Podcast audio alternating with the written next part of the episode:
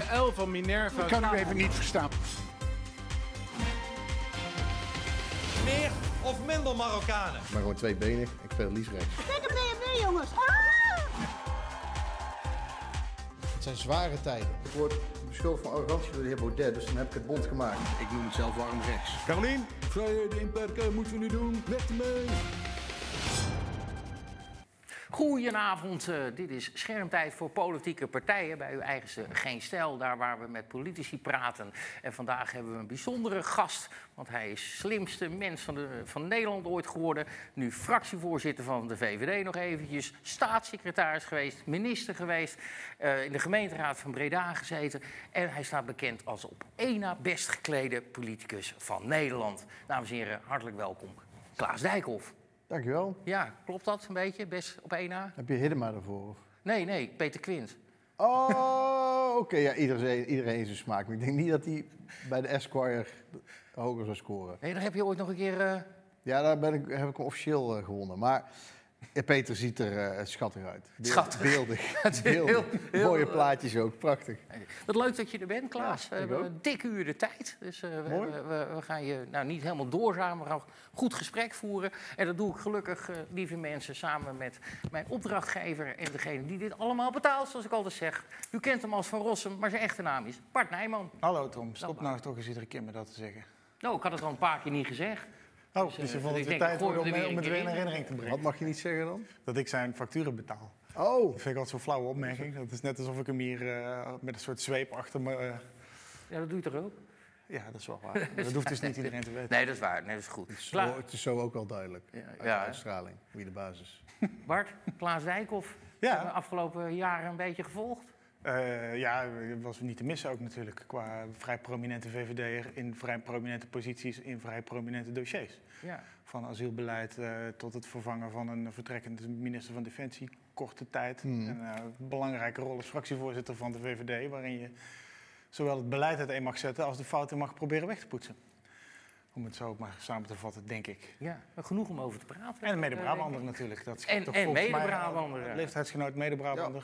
Jij zat in Breda in de gemeenteraad. Ik kom uit Roosendaal. Dus eh hemelsbreed zaten we nooit zo ver van elkaar vandaan wat dat betreft. Nee, maar alleen Jesse Klaver staat dan dichter bij je. Ja, ik kom uit dezelfde wijk als inderdaad. Ja. En, eh, Maar dat is, oh, dan, dat is wel hard nog live geweest. Als ik Jesse mag horen over zijn wijk. ik heb daar wel eens een stuk op GS over geschreven. Dat Ja. zou je even op kunnen zoeken. Dat de Westrand die hij beschrijft, Ja. dat ik die niet herken uit mijn jeugd. Hij Dat zat ook op school in eh Prinsenbeek in Breda. Werd hij elke dag keurig naar de vrije school gebracht. Oh, echt waar? En Prinsenbeek is toch wel een beetje een chique hoek van, eh, Ja. van Ja, Breda. zeker. De goud Ja, is van zeker. Breda, ja. Zeker.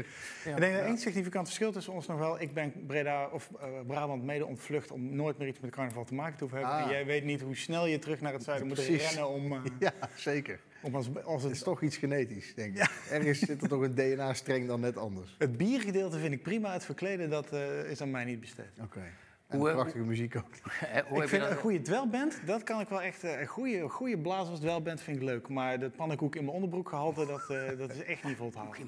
Ja, dat is de wc-experience. Dus ook niet per se carnaval. Die ken ik wel. Ja, dat, uit dat het is dat veer. nummer van. Ja. Ja, nee, die, die ja, ooit uit bij ja. mijn oom in de kroeg begonnen namelijk. Maar goed, ergens ben ik ook nog stiekem een Brabander, maar dat hoeft niemand te weten. Eh, heb je het gemist, carnaval? Ja. Heb je er ja, we hebben iets wel aan dingen, gedaan? ja, wel dingen gedaan. Het werd een beetje melancholisch dit jaar. Omdat er werd juist, vooral bij ons in Breda, in Kielgat moet ik dan zeggen, maar er werd extra, er, leek wel of er extra veel gedaan werd. Je kon eh, zelfs maaltijden bezorgen die door de prins, eh, bestellen die door de prins bezorgd werden. Ik heb meegedaan aan, aan, aan een gedichtenwedstrijd. Met de kinderen hebben we nog een, een wagen gebouwd die natuurlijk nooit je huis verlaat voor de virtuele optocht. Leek wel alsof het, alsof het nog actiever was en mensen nog meer eh, betrokken waren. Maar Was het nog wel leuk? randje. Het was niet, ja, ik ga niet thuis zitten slempen natuurlijk dan. Maar, nee. nee, maar eh, goed. De, de, Ik zag jou al voor je zo dat je wel, eentje. ja maar, eh, ga- ja, maar als je met de kinderen thuis Polonaise loopt, hoef je, hoef je niet eh, eh, een hele hoop te drinken. Maar wel elke dag keurig eh, schrobbelaartje om eh, rond 11 over 11. dus ja, dat, we hebben er wel geprobeerd nog iets van te maken. hè. En, eh, en- de vlag eh, buiten hangen en eh, de speur, buiten de speurtochten. Het is een totaal ander gevoel, maar ik denk dat ja, tot, op zijn eigen manier was het wel mooi.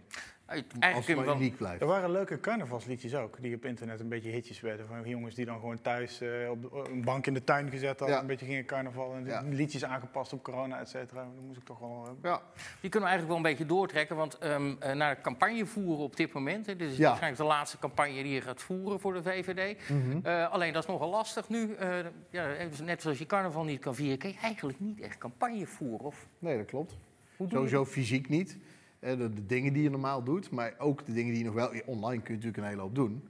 Maar ja, heel veel mensen zitten er ook niet echt op te wachten. Nee, maar heb je het idee dat je mensen die eh, eh, niet op de VVD stemmen, waar je dus een stem weg zou kunnen halen, überhaupt kunt bereiken op dit moment? Ja, maar je hebt veel minder... nou, ik weet niet of je anders meer invloed hebt hoe je ze bereikt, maar je hebt in ieder geval het gevoel dat je minder invloed hebt. Normaal, is- je kunt minder doen. Heel veel in zo'n campagne hangt ook gewoon af. Dat kun je niet beïnvloeden, maar als je lekker eh, bezig bent, hè, dan heb je toch het gevoel dat je de illusie van controle, omdat je dingen aan het doen bent. En er is veel meer dynamiek en andere partijen zeggen iets en je reageert erop. En nu is het wel heel vaak dat, dat in plaats van dat in een normale campagne iemand iets zegt en anderen zeggen, nou, kiezers die in je hoek zitten, hè, die je potentieel zou bereiken, nieuwsgierig zijn, maar wat vindt, wat vindt de VVD er dan van? Is vaak de reactie aan degene die het bal opent van, eh joh, eh, val me niet meer lastig. Het, het boeit me even gewoon niet. Nee. En ik weet niet of dat de laatste weken nog gaat veranderen. Ehm, maar ja, het heeft ook geen zin om tegen wil en dank eh, met boodschappen aan te komen Ja, natuurlijk. Ik denk er wel eens, hè, er zijn er van die online dingen, Zoom-gesprekken en al. Ja. Ik denk van ja, de mensen die daar naar kijken, dat zijn eigenlijk de mensen die al lang je pagina hebben geliked. Ja, maar als Of- politiek café is natuurlijk ook wel vaak. Ja? Ja. Wat heeft, Je kunt wel langs de deuren gaan, dat, dat helpt nog. Maar ik denk wel bij, bij, bij live sessies, omdat de drempel laag is. Dat, nou, als, het- als, je de, als je kleine aantallen hebt, ja, dan is het wel je, gewoon je eigen harde kern. En eh, je moeder die het anders lullig vindt dat er niemand kijkt. Maar als je echt wel hogere aantallen haalt, dan heeft dat wel zijn werking. Eh, alleen, ja, sowieso de massamedia en de tv-debat is natuurlijk de- dat, dat, daar moet je altijd wel de manier om de meeste mensen te bereiken. En ja, online kun je natuurlijk mensen gerichter proberen te benaderen. Maar er moet er wel een soort campagnegevoel zijn ook. Bedoel, Maar dat is er niet. Meestal ontstaat er in een campagne iets omdat er op elkaar gereageerd wordt. Omdat iemand een uitgeleider maakt of iets zegt waar juist nou, mensen echt een mening op... Waardoor mensen ook zonder dat jij erbij bent of tegen ze praat... mensen onderling over politiek praten. En als, als dat minder is, ja, dan heb je dus ook minder campagne. Ja, goed. we willen straks eh, gaan we het nog wat uitgebreider over de campagnes hebben. Tegelijk- tegelijkertijd heeft de, heeft, heeft de VVD natuurlijk wel heel slim gedaan door vorige week die, die zogenaamde brief aan alle partijen en aan Nederland af te drukken. Want dat werd dus ook door media overgenomen als Rutte, premier Rutte schrijft een brief aan, terwijl het in Hmm. principe gewoon een campagneuiting was. Ja? eh, waarin die mensen oproept om geen beloftes te doen. En enerzijds zat er een goed gevoel achter. Zo eerlijk wil ik heus wel zijn. Dat, dat het niet voelt alsof we nu inderdaad met z'n allen polemisch moeten gaan doen over allerlei onderwerpen. Omdat we eerst iets belangrijkers uit de weg moeten ruimen. Tegelijkertijd is het natuurlijk wel een beetje een gewiekste manier van toch campagne voeren. Toch mensen bereiken met een boodschap die dan breed wordt over. Het is ook campagne, maar eh, bedoel, eh, de week ervoor op tv werd nog gevraagd: ga je nou campagne voeren? Toen zei hij, ja, ik ga nu campagne voeren. Ehm, alleen het is, het is heel moeilijk om, ehm, om dat te scheiden. Je kunt nog expres niet op de persconferentie als premier de slogan noemen. Dat de expres zeggen, nou dat gaat wel heel ver. Maar ja, dat, dat, het is ook dat er overeenkomsten zijn tussen de boodschap die je daar uitstraalt.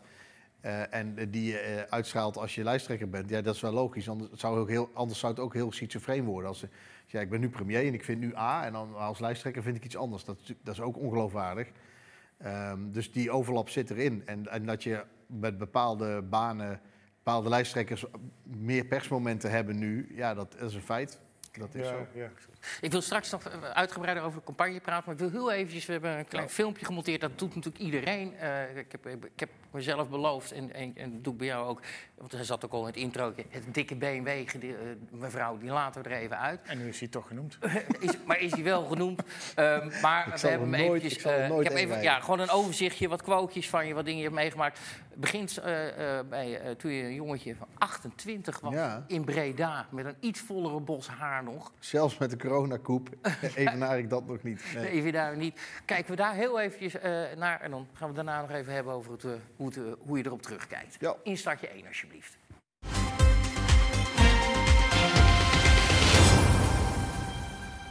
Wie is Klaas Dijkhoff? Een oerliberaal. Tweebenig. Ik vind het een uitzonderlijk talent. Ik speel liefst rechts. Dit spelletje verder vind ik eigenlijk niet zo interessant om mee te spelen. Mensen die bij PSV in het eerste komen, komen ook niet van het hockeyveld afrennen. Ik word beschuldigd van arrogantie door de heer Baudet, dus dan heb ik het bond gemaakt. Het gaat u omdat u zelf met uw achterste in die stoeltjes kan blijven zitten. Daar hebben we gewoon een woordenboek voor. We zijn geen homo. Eh, we, nou ja, eh, volgens mijn vriendin ben ik er geen, dus... Wat denk jij dat er gebeurt als je naar Irak gaat? Dood. Ja, Ja, ja dus. Eh, Wat je in de toekomst dan ook gaat doen, Klaas, zou er nu al klaar voor zijn om jou op te Dat volgen? denk ik wel. Ja, ik denk dat dat ook goed Wordt is. hij het ook? Dat gaan we allemaal afwachten. Weet je, als je premier wil worden, dat vind ik echt... Als dat jouw zwaarste motivatie is, dan ga je waarschijnlijk onderweg dingen aanpassen aan die doelstellingen. En dat vind ik niet goed. Ik vind het wel knap dat je dat aandurft. Gewoon zonder gêne die 37k per jaar pakken. Ja, bruto, ja, klopt. Er echt helemaal geen enkel gevoel bij. Jawel, ik heb er ook over nagedacht. U kiest woorden, u kiest sferen, u kiest toon. En vervolgens na deze dag hebben we geen klap gedaan voor die kinderen die op een vierde nog geen Nederlands praten. Oh, op jawel. We hebben geen klap gedaan voor die mensen die in onvrijheid opgroeien en de vrijheid zouden moeten hebben. U heeft hier een moreel verheven dus debatje gevoerd met mij. En op inhoud heeft u niks toegevoegd en geen klap gedaan. De wet bepaalt wat je aan bepaalde vergoedingen krijgt voor het werk wat je verricht. En dat is waar ik me aan hou. En, en dan ga ik, vind ik het zelf een beetje raar om te zeggen als we de wet maken. Eh, die wet staan we achter zoals die is, vinden we hem goed. En als je hem individueel moet toepassen op jezelf, dat je dan zegt, nou ja, daar krijg ik vragen over, laat maar zitten. Mijn Sansevieria staat voor het raam. En als ik binnenkom, dan gaat hij staan. Ik heb er heel veel zin in. Dat laatste ben ik blij om. Je hebt er heel veel zin Ja, in. Ja. altijd. Hoe is dat nu met campagnevoer? Heb je er ook veel zin in nog? Of... Ja, maar, ja, maar het moet wel loskomen. Ik, ik, vind het leuk om, eh, om over politiek te praten. En, eh, maar nu is het vaak eh, m- gelukkig iets minder over de hype van de dag... of de scheve schaats van de een of eh, weet ik veel. Wat er weer dingetjes, die komen de komende weken vast wel weer. Scheve schaats. Ja, Die- die- ik die- moet gelijk aan Bob Koens Ja, precies, inderdaad, daarom. ja. Maar als Ja. je nu terugkijkt, hè, dit is een beetje grosso modo eh, de afgelopen tien jaar Ja. van Klaas Dijkhoff. Ja hoor. Hoe kijk je erop terug? Wat heb je bereikt? Nou, misschien iets wat ik niet bereikt heb, maar wat wel aardig gelukt is... dat ik behoorlijk mezelf ben, heb kunnen blijven. Wat, wat me een vrij grote uitdaging leek eh, in dit eh, vak. En verder, ja, wat ik bereikt heb, ja, daar, kun je hele saaie lijsten eh, van, van, van wetten of zo hebben. Maar ik weet niet of, of dat precies is waar je... Noem eens één, pak er eens één uit die zegt, nou daar ben ik trots op. Nou, heeft ik- de Nederlander ook echt direct wat aan gehad.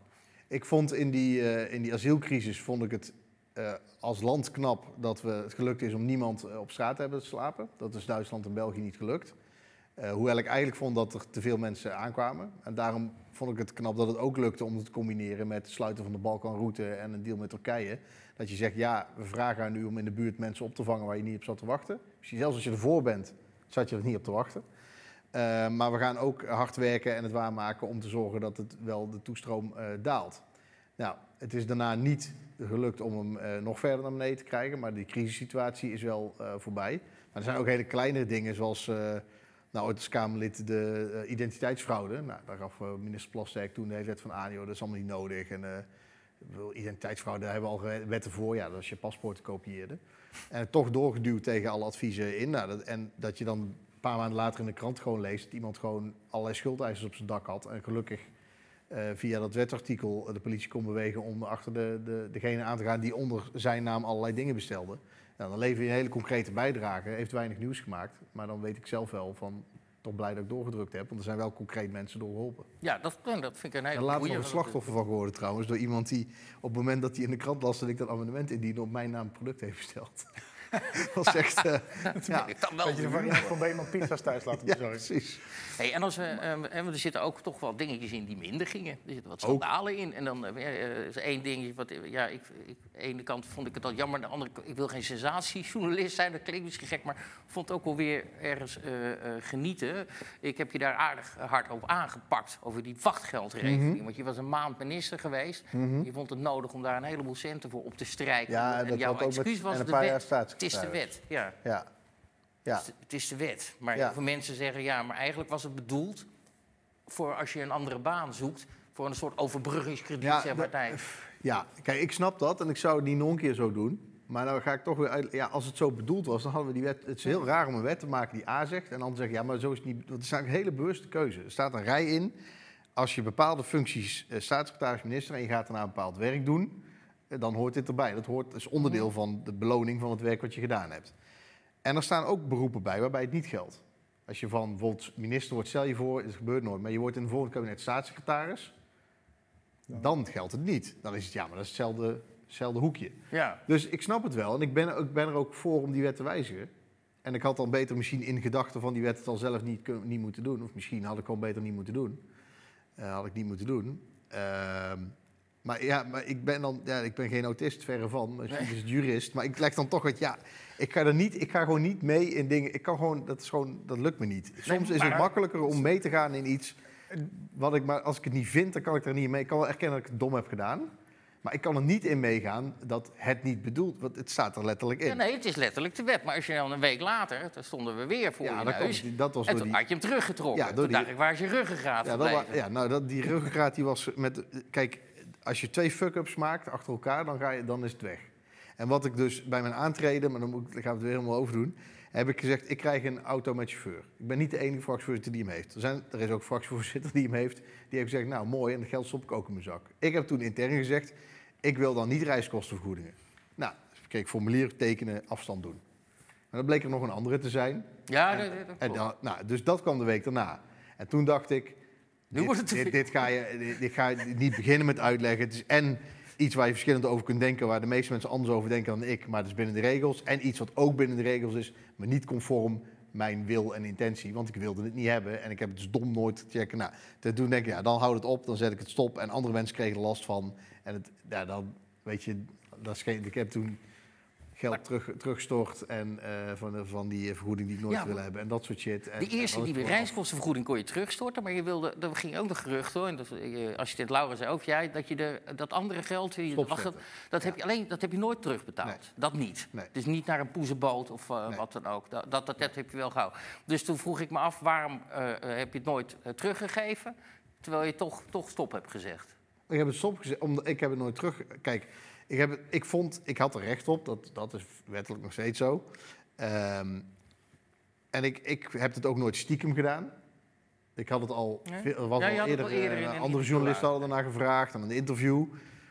Eh, Frank Hendricks heeft wel eens van de AD... de makkelijkste scoop ooit, Ja, zei hij. omdat je Ja. het zelf al gezegd had. Van, Nou ja, hij zei tegen, hij loopt de gang en hij zegt: Ik heb een vraag, misschien weet je hoe dat zit, over wethouders met wachtgeld. En ik dacht, misschien weet jij hoe dat zit met wachtgeld. Maar toen dacht ik, ah, maar jij krijgt dat natuurlijk niet. En toen zei ik, ja, ik, ik lieg er niet over. Ik zeg, jawel, dat krijg ik wel.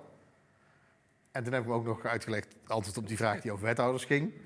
En toen zei ik, ja, als je er nog iets over weet, moet je langs Over wethouders ja. heeft nooit iets in de krant Ja, gestaan. dat, dat, maar dat was een heel klein stukje daarna. De eerlijke VVD'er hier. eh. Ja, nou ja, goed. Ik, ik heb, daarom heb ik het ook niet terug. Ik heb er niet stiekem over gedaan. Ik heb het al eerder aan journalisten gemeld. Toen leidde het tot, helemaal tot geen ophef. Toen leidde het tot niks. En uiteindelijk, oké, toen dacht ik dus ook nog, zie je wel, het is verdedigbaar. Nou, toen kwam er een moment dat het, dat het, eh, dat, dat het, heb ik het eerst ook nog inderdaad een week verdedigd. Nou, toen kwam die fucker met die reiskosten. En denk ik, ja, dan weet je, ik zet het stop.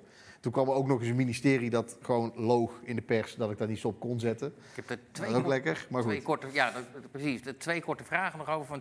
Ehm, eh, vond je dat, dat we als journijen, en daar reken ik mezelf ook even toe, dat we je hard, te hard hebben aangepakt daar? Nee? Dat Nou, had je de indruk dat ik dat vond? Nee, nee, nee, maar dat vroeg me zo maar af. Omdat, nou, ik trek hem even door.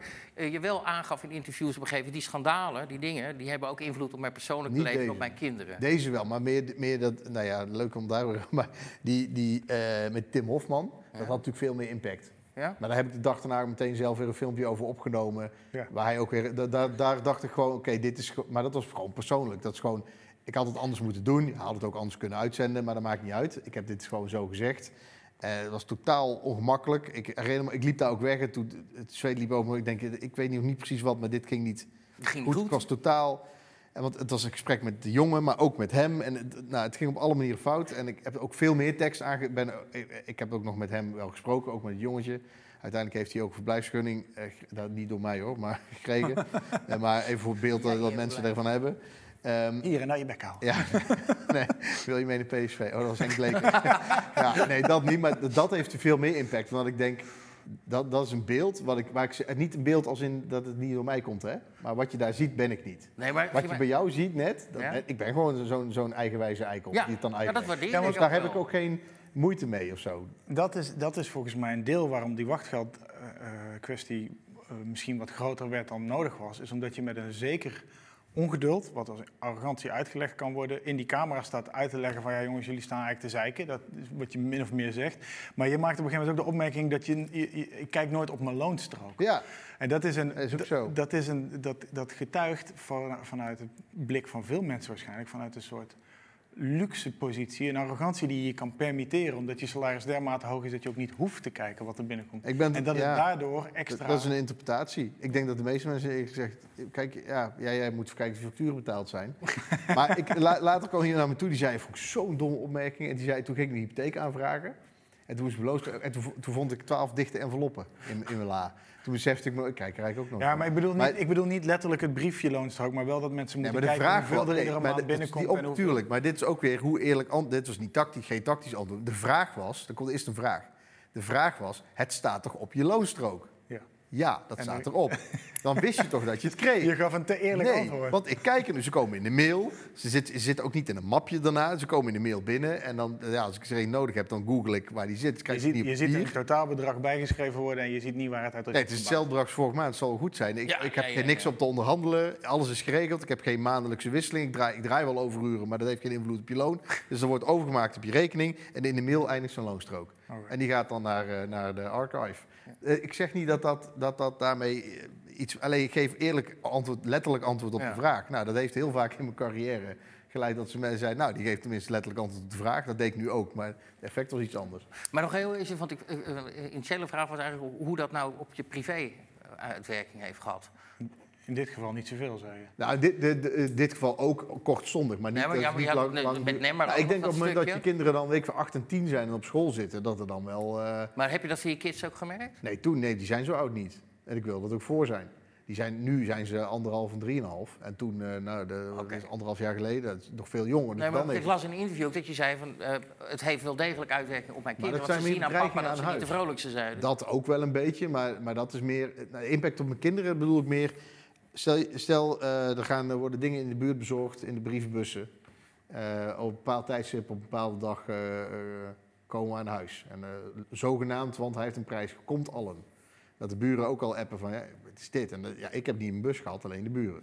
Nou, dan ga je naar de beveiliging en ja, we kunnen, we kunnen niet eens geweten. Niet, nou, dat je dat, dat je dan, dan heb je dus een week stress. Dan ga je op die bewuste dag ga je weg uit je eigen huis.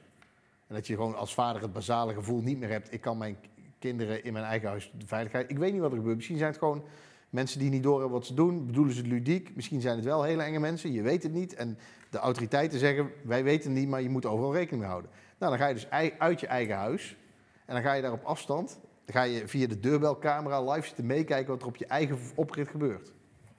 Sorry, ik heb een oprit, voor als mensen het ook decadent vinden. Het is geen oprijlaan, het is gewoon een oprit Nee, bij een huis. Maar, eh, en dan ga je, dan sta je op afstand naar te kijken. Ik weet toevallig En dan waar heb je, je op- Dit klinkt misschien creepy, maar ik weet toevallig waar je huis woont. Maar dat Oké. vertel, ik wel na de uitzending. Nee, maar, maar dat is dus.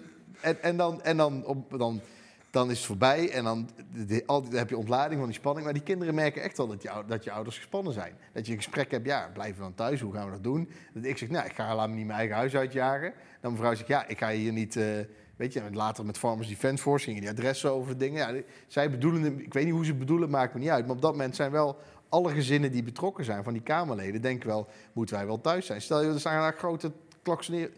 Misschien denk je van, ik ga voor zijn deur staan op straat te klaksoneren. Ik doe niks verkeerd. Nou, denk, denk je dat dat voor kinderen lekker is als ze midden in de nacht... eh, Dus dat is de impact die het heeft op een gezin.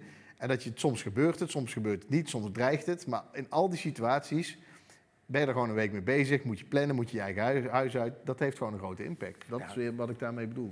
Bart hier eh, en ik ook hoor, eh, want ook in je debatten kan je, ben je, eh, je bent de koning van het relativeren, je bent ook wel eerlijk. Je ge- en, regel, en bijna altijd blijf je, blijf je rustig en dergelijke, maar in het filmpje van net zat een stukje met Pechtel, Mhm. Ja. waar je, Ja. daar werd je echt wel een beetje boos en daar sloeg jij Maar dat, aan. ja, en jij, want je reageerde net zelf ook toen dat filmpje draaide, inderdaad. Dat je echt tegen Pechtold een keer ging, omdat je Ja. een plan had ingediend. Eh, dat, dat zogenaamde wijkenplan, eh, verlichtingswijken gebruikte jij zelf als term, maar dat werd Mhm. meteen geframed als postcode racisme. Ja. En eh, het, het, het viel me op in, dat je in dat, in dat debat een, een enorme frustratie niet onverhuld kon laten, omdat je de kans niet kreeg vanaf de get-go om dat plan überhaupt uit te leggen. Omdat het werd uitgelegd als de VVD wil mensen discrimineren. Ja, en bij Pechtel zat er nog iets bij. Kijk, ik begin even bij, bij. Het plan was breed en genuanceerd en de wil het in de krant hebben. Wacht, ik ga dat even, eh, even terughalen. Je Ja. wilde dat wijken met 50% of meer niet-westerse eh, eh, Nederlanders... met een hoge werkloosheid en hoge criminaliteitscijfers... daar wilde je onder andere verplichte lessen over democratische waarden en tradities. Niet meewerken zou een korting op kinderbijstand of uitkering kunnen betekenen... maar het was de bedoeling niet om te straffen, maar om mensen te verheffen. Ik citeer allemaal Mhm. AD, waar het destijds stond. Eh, welwillende bevrijden, kwaadwillende harder aanpakken. En, eh, mooi citaat, ik zou het verlichtingswijken willen noemen... want dat is wat mensen in die wijken niet hebben doorgemaakt. Ja, Dus als je dit zo leest, dan leest het als een constructief plan. ja wat, ik, wat ik wilde doen, eh, en het element van het straffen kreeg de meeste aandacht. En ik heb er ook voor gekozen om, daar, om dat in het... Ik had het ook uit kunnen halen uit het plan of niet in de versie voor het interview. Maar ik dacht, ja, je moet wel een beetje je moet wel nieuws maken. Dus dat, ik had het ook niet kunnen doen. Dus dat was een risico. Het element dat de meeste aandacht trok was dat ik zei, ja, je woont in zo'n wijk. Je, je, je, dat er zijn al minder kansen. Ik was in Kopenhagen geweest, waar ze een aanpak hebben. En dan zie je als moeder ook nog dat je zoons geronseld worden... door criminelen die van buiten die wijk, die daar niet wonen... maar die daar naartoe komen, dat het lekker makkelijk ronselen is... vanwege de kansarmheid daar. Dan wilde ik die mensen die daar kwamen zwaarder straffen... als ze in die wijk crimineel, eh, criminaliteit eh, pleegden. Nou, eh, zei laatst, en als er een, een witte boordenfraudeur in die wijk zit... ja, die dan ook. Eh, dat was AD, dat ging nog goed. Toen kwam RTL met, wat niet klopte feitelijk... mensen die in die wijk wonen en de wet overtreden worden zwaarder gestraft. Nou, dat klopt niet. En dan ga je er ook al vanuit dat de criminaliteit in die wijk veroorzaakt wordt door de wijkbewoners. Dat was niet de insteek. De insteek was, ze worden, rond, ze worden ronseld, eh, criminelen, nog erger, terroristen, gaan naar die wijk toe en ronselen. Daar moet je, die moet je eruit mappen eerst uit die wijk. Maar goed, toen werd het dus postcode racisme en het beeld. Omdat je in een bepaalde wijk woont, krijg je een andere straf dan wanneer je daar niet woont. Wat feitelijk onjuist was. Ik heb mijn coalitiecollega's gebeld. Daarom was ik zo giftig ook bij Pechtold. Omdat hij wist dat het niet klopte. Ik heb hem, kijk, Kuzu, snap ik, heb ik niet gebeld. Ik heb hem gebeld. Ik heb gezegd, AD klopt. Dit is het plan. Ik snap dat hij niet helemaal gaat lezen. RTL klopt feitelijk gewoon niet. Het is niet mijn plan. Dat je me dan nog steeds in het debat aanvalt op wat het plan wel is, prima. Dan was ik niet zo boos geworden. Maar als je dan, terwijl je weet dat het niet klopt... en het was ook misschien best voor hem prettig, want het ging over dividendbelasting anders en zo... Dat is later ook nog het feit geweest. Er was een opzetje tussen jullie helemaal geregistreerd... omdat het anders over dividendbelasting zou gaan. Nou, ja, dat, dat, was werd- niet zo. ja, dat heb ik ook nog. Ja, dat was niet zo. Alleen toen hij daar zo stond en niet, meer alleen, niet alleen aanviel op wat het was, maar ook op wat hij wist dat het niet was. Toen dacht ik, ja, dan heb ik ook geen enkele reden meer om me in te houden. Dan, dan maak je het, dan, dan, nu maak je er los van een politiek verschil over eh, eh, inhoud en mening, maak je er ook een integriteitskwestie van, vind ik, voor mijn persoonlijke integriteit. Dus jij weet dat het niet zo is en je draagt er wel aan bij. En dat je dat, dat je dat begeerd deed, dat wist ik al langer. Dat maakt me ook niet uit. Ik kan het ook hebben. Het heeft ook geen impact op, eh, op wat ik van, van hem vind later. Dat is dan in die arena. Maar ja, dan moet je niet denken dat ik daar gemoedelijk ga blijven staan doen. Dan kun je ook echt... Je kunt me echt wel boos krijgen. Ehm, en dan nou, levert het er meestal best nog wel een spectaculair beeld op. Maar was het niet een heel erg politiek spel dan ook van, van, van Pechtold... wat je had kunnen zien aankomen? Je zegt van, nou ja, Pechtold... gaat Ja, maar ik, ik, ik- ja, dus op het moment dat het gebeurt, denk ik, eh, eh, krijg ik eerst een cynisch lachje van, oh ja, je gaat het echt doen. Dan probeer ik eerst, probeer ik volgens mij dat ik één keer probeerde uit te leggen, nou, u weet dat het niet zit. Ging je daarop door. En dan denk ik, ja, dan kun je het ook krijgen. Ik, ik, ik ben nou ook niet ongecontroleerd boos. Ik weet, ik weet precies wat ik zeg. Functioneel boos. Ja, ik ben wel echt boos. Dus niet functioneel boos, dat associeer met je voelt je niet boos, maar je doet alsof. Ik was boos. Maar ik kan het ook dan nog wel inslikken of een andere, andere manier doen. Maar toen dacht ik ook, nou, dan, als jij het zo wil hebben, dat kan. Maar dan, waarom zou ik me dan nog inhouden? Waarom zou ik dan niet een keer lekker mijn mening geven over deze Heb je, heb je op zo'n gevoel niet, niet het op zo'n moment niet het gevoel dat het enorm zonde is dat je zoveel energie en tijd moet besteden aan iets rechtbreien wat per definitie al vanuit de verkeerde premisse gaat, wetende dat je plan eigenlijk al gestrand is voor je het goed en wel hebt kunnen neerleggen? Ja, dan moet je dus, eh, je moet dan, ja, op dat moment ben je gewoon aan het kijken. eh, eh, kijk, die goal die je net tegen hebt gekregen, die, ja. Om die nog in een 2-1 terug om te buigen. Ja, je, is, eh, kunt, ja, je kunt die goal tegen nog wel beklagen over de scheidsrechter of RTL of over Peck. Dat heeft geen zin. Dus kan ik beter proberen om een paar punten te maken in de goal waar ik dan zit. En Dat- later ben ik nog die wijken in geweest om met de mensen waarvan ik denk, ja, ik wil niet dat er uiteindelijk. het- eh, eh, je mag, als ze daar boos op me zijn vanwege wat ik wel vind, prima. Dus ik ben wel daar nog heen geweest om te bespreken wat ik wel vind. Dat leverde geloof ik ook een kop op, omdat iemand zei, je zei dit alleen om Geert Wilders. En toen zei ik het, maar het interesseert me geen fuck wat Geert Wilders zegt. Was dat weer de kop, dus bleef een beetje in dynamiek hangen. Ja, Ja, ja, ja. dat staat hier, eh, heb ik ook nog uit een interview gehad. Dat mensen me niet geloofwaardig vinden, is niet mijn probleem. Nee, Toen denk ik, ja, het is ook wel een beetje perceptie, zeker in campagnetijd. Of zie- ben ik te naïef? Ja, het, kijk, het, het, is, het kan mijn probleem zijn, maar voor een deel is het niet mijn probleem. Omdat als ik, als ik dingen moet doen die niet bij mij passen, om, dan krijg je een rare, rare spiegelpaleis. Dan moet ik ongeloofwaardige dingen doen om geloofwaardiger te lijken. Of ik moet net zoals over dat, nou, die loonstrook, dat, dat vonden mensen ongeloofwaardig. Ja, maar het is, het is de waarheid. Dus vertel ik dan de waarheid. Ik kan natuurlijk, heb ik ook wel momenten gehad dat ik tactischer ben en dat ik denk, eh, ik hoef niet te liegen, ik laat gewoon iets weg. Maar als ik concreet gewoon antwoord geef op een vraag en het is de waarheid die ongeloofwaardig is, gevonden wordt, ja, dit- ik- ik, ik kan er moeilijk een andere waarheid van maken. Dan, dan vind ik het niet mijn probleem. Ja, true. Het is met die loonstrook natuurlijk niet alleen per se of het wel of niet waar is. Het gaat er volgens mij nog steeds om dat er gewoon heel veel mensen zijn die wel iedere maand, iedere dubbel Zeker. moeten tellen. Zeker. En niet de, nou ja, goed, maar Nee, hebben we net die al, dit hebben we net al luxe gehad. positie- Die luxe Ja. positie heb ik. Ja. Dat is Maar, en daar hebben, we net, daar hebben we net al over gehad, laten Ja. we daar niet over door blijven emmeren. Maar eh, er gaat over jou wel altijd, eh, er gaan altijd een beetje twee dingen over jou. Dat je als je ergens een kamer binnenkomt, dan acht je jezelf altijd de slimste in de kamer. En je hebt een groot ongeduld met domheid. Dat zijn verhalen die eh, uit verschillende hoeken die al wat langer over jou gaan. En dat zie je soms een beetje naar voren komen. Dat lijkt ik soms naar voren te zien komen, laat ik het, eh, laat ik het zo zeggen. Eh, op zulke momenten, als er een relletje of ophef is, maar ook, ook met zo'n pechtold, dat je dan het idee hebt dat je je tijd aan het verdoen bent om, om, om iets op te lossen of terecht te buigen wat eigenlijk volgens jou heel anders zit of anders zou moeten zijn. Heeft dat ermee te maken gehad dat je denkt van weet je, misschien moet ik ergens anders gaan werken, iets voor mezelf gaan doen, uit deze arena weg? Is, het, is de tijd een beetje op hier? Nee, en als mensen het zo voelen over dat in die kamer loopt, dan accepteer ik dat het zo. Ik heb zelf dat gevoel. Ik ben nooit bezig met het meten, met dat, met dat soort schedelmeten, zeg maar. eh. met het meten, meten van. eh, oh, ik ben slimmer dan die andere of zo. Ik, ik, ik merk wel dat ik op soms dingen zeg. Soms zeg ik iets wat ik, wat ik bloedserieus meen en wordt er hard om gelachen. Denk, nou, incasseer hem dan maar als grap. Maar ik, ik was eigenlijk serieus. Ik ben zelf daar niet zo mee bezig. Maar het kan zijn dat anderen het gevoel hebben van ik zit gewoon meestal. Maar het kan wel zijn dat ik me kan verliezen in een discussie. Dat ik gewoon in mijn hoofd zit en eh, niet, niet empathisch ben. Maar dat ik gewoon, op, op het onder, dat ik gewoon in het onderwerp zelf bot kan zeggen. Ja, maar hoezo dan? Of dat is onzin. Of dat, dat is wel met de jaren minder erg geworden hoor. Maar Als dat, als dat eerlijk zijn belangrijk is, dan is het toch af en toe ook wel lastig geweest om eh, bepaalde miskleunen van de VVD te moeten rechtpraten, terwijl je weet dat je eigenlijk iets staat te verdedigen wat niet helemaal klopt. En dan kan je het over de toeslagenaffaire hebben, maar ook regelmatig terugkerende issues met integriteit bij de VVD. We hebben Rutte bewindslieden zien verdedigen tot het niet meer kon, van Van der Steur tot Opstelt en Teven. Eh Halbe Zijlstra die ging iets vlotter. Maar ook Anne Wil Duttler is er eentje. leren- maar waar heb ik die dan verdedigd? Anne Wilde? Oh, en niet om deze, maar even alle. Gewoon in, brede zin. Dat je vaak, je- als fractievoorzitter sta je vaak namens een partij eh, iets, een, een partijstandpunt Ik denk uit dat bij de toeslagenaffaire mijn inbreng behoorlijk veel zelfkritiek had. Ja, maar... eh, Ik weet niet wat ik heb verdedigd. Ik heb wel eens, ik weet wel, ik, voor mijn gevoel weet ik wel wanneer ik een minister heb verdedigd, maar dat was niet een partijgenoot. er was ooit een debat bij Ronald Plasterk die bij Nieuwsuur een briefje uit zijn zak haalde over iets met de geheime diensten en zo. oh ja. En toen moest ik hem verdedigen en toen, toen dacht ik, hadden we een lijn en toen zei ik, dat kan niet. Ik kan dit niet, ik kan dit niet zeggen. En toen zei Halbe, de toenmalige fractievoorzitter, nou, dan verzin zelf maar wat je ervan vindt. En toen heb ik ook dingen aangegeven, die, maar wat ik echt vond, dat was geen verdediging. Ik vond dat dingen die wij niet horen te weten, moeten we ook niet discussiëren. Ik vond de fout dat hij iets gezegd had wat wij helemaal niet horen te weten.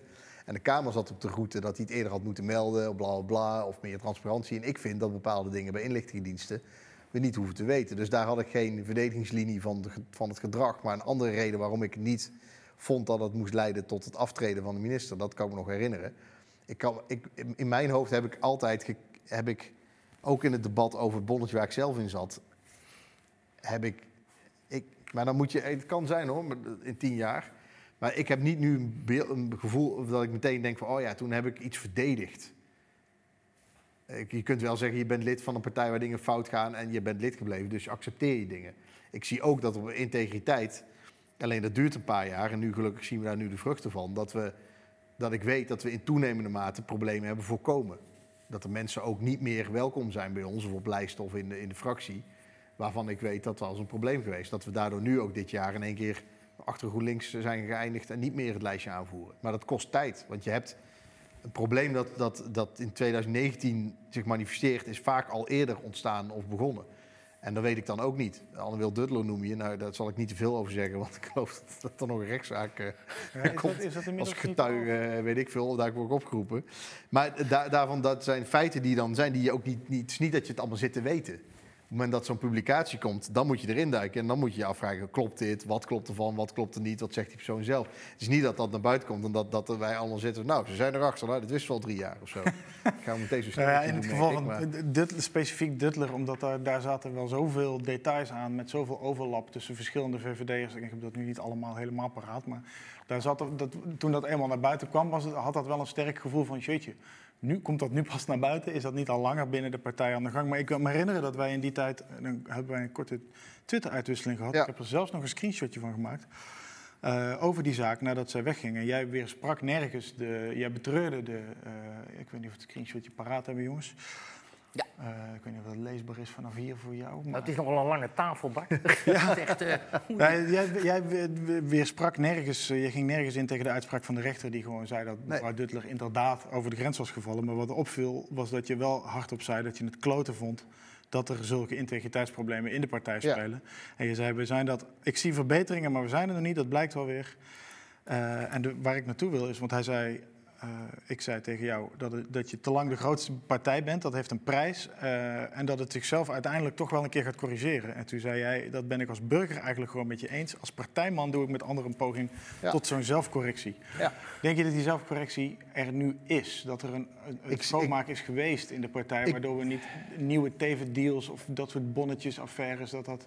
Ik, ik denk dat er wel. ehm, ja, ik ben nu in de verleiding om eh, de, twee, de, dubbele rapport, de commissie Oosting 1 en 2, eh, op te gaan lepelen. Om te, om te dissecten wat daar precies wel niet fout ging. Eh, wa- wat je daar had, was ook, dat had ook een ambtelijk probleem. En dat is, da- daar moet je als politieke partijen en, en bewindspersonen aan sturen dat dat verandert. En Van die slimmigheid, van die, van die slimme juristenzinnen waarbij je drie jaar later zegt, ja, maar het stond er toch? Terwijl je denkt, ja, kom eens, dat, dat, dat, dat en daar moet je vanaf. Dat moet, die reflex moet eruit. Ik heb op dat dat departement is, ook... dat is wat we nu een beetje de Rutte-doctrine noemen de laatste tijd. Ja, dat, dat is een term die sinds december bestaat. Waarvan niemand, eh, eh, eh, anders, niemand een uitleg heeft kunnen geven anders dan de, de, de WOP, de wet zelf. Dus eh, ik, ik weet, dan wordt er van alles. Ik, het is een slimme insteek, met name van een, eh, van een zeer bevriende, gewaardeerde coalitiepartij, om dat steeds te noemen. Ehm, maar prima, dan denk ik altijd van ja, oké, slim is- frame, maar wat zit Het is niet alleen een slim frame, het is ook als mensen begrijpen wat ermee bedoeld wordt, dan zien mensen ook, dan, dan is er dus ook een kern van waarheid waarschijnlijk in. Als je het moet uitleggen wat een Rutte-doctrine is, Nee, want het een slim, een van- slim frame creëert juist dat mensen het idee hebben dat er wel iets klopt zonder dat je. Maar het is ook een feit dat de. Kamer tientallen keren niet geïnformeerd is onder artikel 68. Er ligt een motie van 150 Eh, tegen daar- 0 daar- die niet wordt uitgevoerd. dat Dat zeker, moet dan alleen- doen van... Als je het die naam geeft, dan heb je de, dan, maar misschien valt ik het dan te ver. samen. Dan heb ik altijd het idee van, ook, was het dan voor 2010 beter? Of hebben we gewoon te maken Nee. met een hele lange, met een ontwikkeling in de samenleving terecht om meer transparantie, die ook vereist dat je daar veel met mondige ambtenaren die als het op een gegeven moment te lang eh, op de verkeerde redenen onder druk gezet worden, dat ze dan een andere weg naar buiten, terecht hè, klokkenluiders. Moet je daar anders mee omgaan, dan loopt de overheid daarbij achter. Ja, zie ik eh, verbeteringen ook. Is dat consistent? Niet altijd. En, en kun je daar als bewindspersoon, eh, ongeacht van welke partij je bent, veel invloed op uitoefenen? Ja. Dat, ik heb nooit gevraagd, namelijk als staatssecretaris en als minister, als tekort kwam het niet voor, maar ehm, eh, in de ministerraad of zo, eh, eh, vinden jullie het oké als ik dit naar buiten breng? Ik, dat, eh, nooit. En als ik het heb gedaan, heb ik nooit een telefoontje gehad van de AZ van waarom heb je dit naar buiten gebracht? Je moet ook gewoon zelf nadenken en denken, oké, piketmeldingen van de gevangenis. Zet, Maar zet dat die bleek- gewoon openbaar, maakt het Eh, uit. eh, dat bleek eh, niet onder jouw termijn als staatssecretaris van eh, asielzaken, maar wel onder die van. En nu sla ik een. Harbers. Ja, dat Ja, die, heel- de, dit is dus echt- de, politiecijfers. Waarin, dus- ironie. waarin, waarin moord, moord en doodslag volgens Ja. mij onder een soort overig werd neergezet in de politierapporten, waardoor het leek alsof dat niet aan de hand was. Terwijl dat Ja, wel. nou, deze is wel heel ironisch. Omdat dit, als je, als, je, als je het heel creatief vindt, dit is het eigenlijk mijn schuld. Want voordat ik staatssecretaris werd, dit rapport bestond niet. Deze rapporten waren er niet. De Kamer vroeg er wel eens om en ik, heb toen, ik ben begonnen met het maken van deze rapporten. Dus het was een vrij recente geschiedenis. Ieder jaar werden die beter, ieder jaar kwam er meer informatie, je moet hem ook opschonen. Wat hebben ze nou daar gedaan in die ranglijst? Hebben ze gewoon, eh, eigenlijk bij- bijna alsof je Reddit bent of, eh, of, of clickbait wil doen, de tien meest voorkomende criminele overtredingen. Die hebben ze, en de rest was overig. Dat is niet, niet heel politiek sensitief. Want als je Nee. ziet dat er op plek 16 iets staat wat heel, heel sappig is, dan moet je misschien niet rangschikken Ja, op de tien meest voorkomende. Niet per se sappig, maar gewoon waar, waar echt het snelst en het hardst op moet worden ingegrepen als het voorkomt. Tuurlijk. Doodslag en Ja, daarom is, het ook heel, mishandeling. daarom is het ook eh, raar, alleen, eh, of niet slim en dom. Maar er is een vraag, is daar een, een cover-up geweest? Heeft daar een bewindspersoon gezegd, dit mag niet naar buiten? Of heeft daar een ambtenaar gewoon gerangschikt op de tien meest voorkomende... en is de rest overig omdat de tabel anders? Echt, mijn advies, doe niet overig. Doe gewoon, een maar al is die tabel ik- 28 pagina's... Geef de Er bronmateriaal. zit er één, eh, iemand bij die polygamie heeft gedaan op, eh, op plek op, op rij eh, 48. Zet die er lekker bij. Doe geen overig. Spits het allemaal uit. Daar ben ik het meteen mee eens. Eh, maar de, de, dus het, het is inderdaad, dat, was, dat is fout. Dat is niet goed. Ik zie daar geen politieke eh, kwade opzet om iets te verduisteren. Maar het was een bijeffect van iets een paar jaar geleden. Juist om meer transparant te zijn. Een paar jaar daarvoor. Dus in die, in die zin vind ik dat ironisch. Eh, Ik zie, de ontwikkeling is goed en er worden daarbij nog fouten gemaakt. Tien jaar geleden had deze fout niet gemaakt ge- geworden, want had, had- was er gewoon geweigerd geweest om überhaupt een overzicht te maken.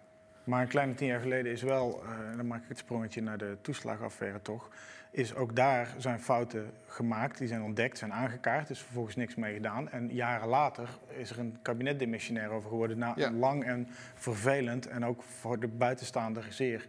Tragisch traject om toe te kijken, waar Ja. de Kamer steeds te laat, te weinig, niet goed werd geïnformeerd, waar zelfs commissies werden opgetuigd die niet alle informatie hadden, of zelfs actief donner Ja. niet alle informatie wilden hebben, dan is het toch niet raar dat er op een gegeven moment een beeld ontstaat van, nou, dit is de VVD, die proberen het allemaal ik- in de onderste laag. raar is, maakt niet eens zoveel uit. Alleen ik vind wel ook om mijn werk ook om even te kijken naar, naar feiten voordat ik daarin meega. En dan bijvoorbeeld, neem Menno Snel, die is afgetreden om een politieke dynamiek. En wat hem verweten wordt, wat juridisch klopt, hè, staatsrechtelijk. Je bent ook verantwoordelijk voor informatie die de- jij niet aan de Kamer hebt gegeven, omdat ze ook jou niet hebben bereikt. Mhm. Maar dan vraag ik me wel af hoe dan. Hoe je op, hè, dus politiek klopt dat. Is je verantwoordelijk, moet je aftreden, demissionair. En wij zijn verantwoordelijk voor alles, dus ook hiervoor. Maar de stap zetten naar. Je hebt iets gewild, bewust gedaan. Als, als, als een minister informatie niet krijgt, dan komt hij sowieso nooit bij de Kamer. Ehm, eh, maar dan heeft de minister niet de informatie gehad en gezegd tegen zijn ambtenaren: stop dit even weg. Als je het zelf ook niet hebt, dat is natuurlijk de pijnlijkste manier om te moeten gaan. Je bent verantwoordelijk, ook voor dingen die je niet weet, waar je geen invloed op hebt. Dat hoort er allemaal bij, vind ik goed aan ons stelsel. Daarom vind ik ook, dan moet je aftreden, niet tegen de Kamer zeggen... ja, maar ik wist het zelf niet. Daarom vond ik goed dat Harpers aftrad. Ehm, eh, maar hem is nooit verteld, we willen dit onder kopje gaan. Aft- Aftreden zou ook geen doel op zich moeten zijn, omdat het van twee dingen afleidt. Namelijk, het haalt een poppetje weg, maar niet het probleem. En waar. alle aandacht gaat naar het poppetje en Ja. niet naar het probleem. Dat is waar. En dat is, dat is ook, ook een deel van het verhaal van Omtzigt, die dat dus steeds zegt van het gaat er mij niet om dat de bewindspersoon moet aftreden of dat er een kabinet moet opzouten. Het gaat erom dat Ja. het probleem gerepareerd wordt en dat je Ja. stappen terug gaat volgen. Maar in de dynamiek van, eh, van eh, tijdlijnen vragen wordt het wel vaak een whodunit.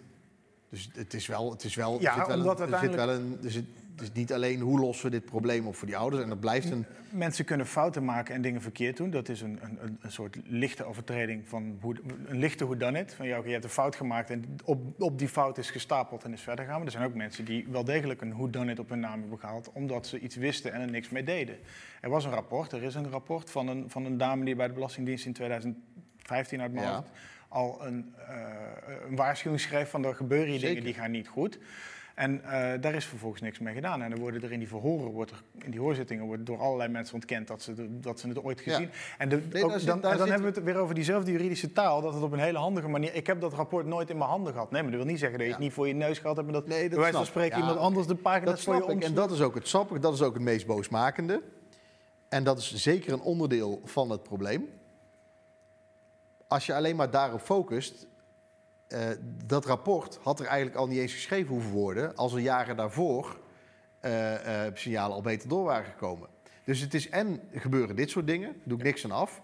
Maar als je in de politieke jacht naar een, op, naar een oorzaak of naar een oplossing heel erg in die whodunit sfeer zit, dan, dan draagt dat bij aan het, het uncover, het ontdekken van een deel van het probleem, maar ook een deel niet. De uitkomst wetgeving, ik, ik blijf. Ik, ja, ik, blijf, hoor Pieter om zich steeds vertellen dat de wetgeving het probleem niet was. En dan denk ik, ja, dan mis je wel ook een deel van...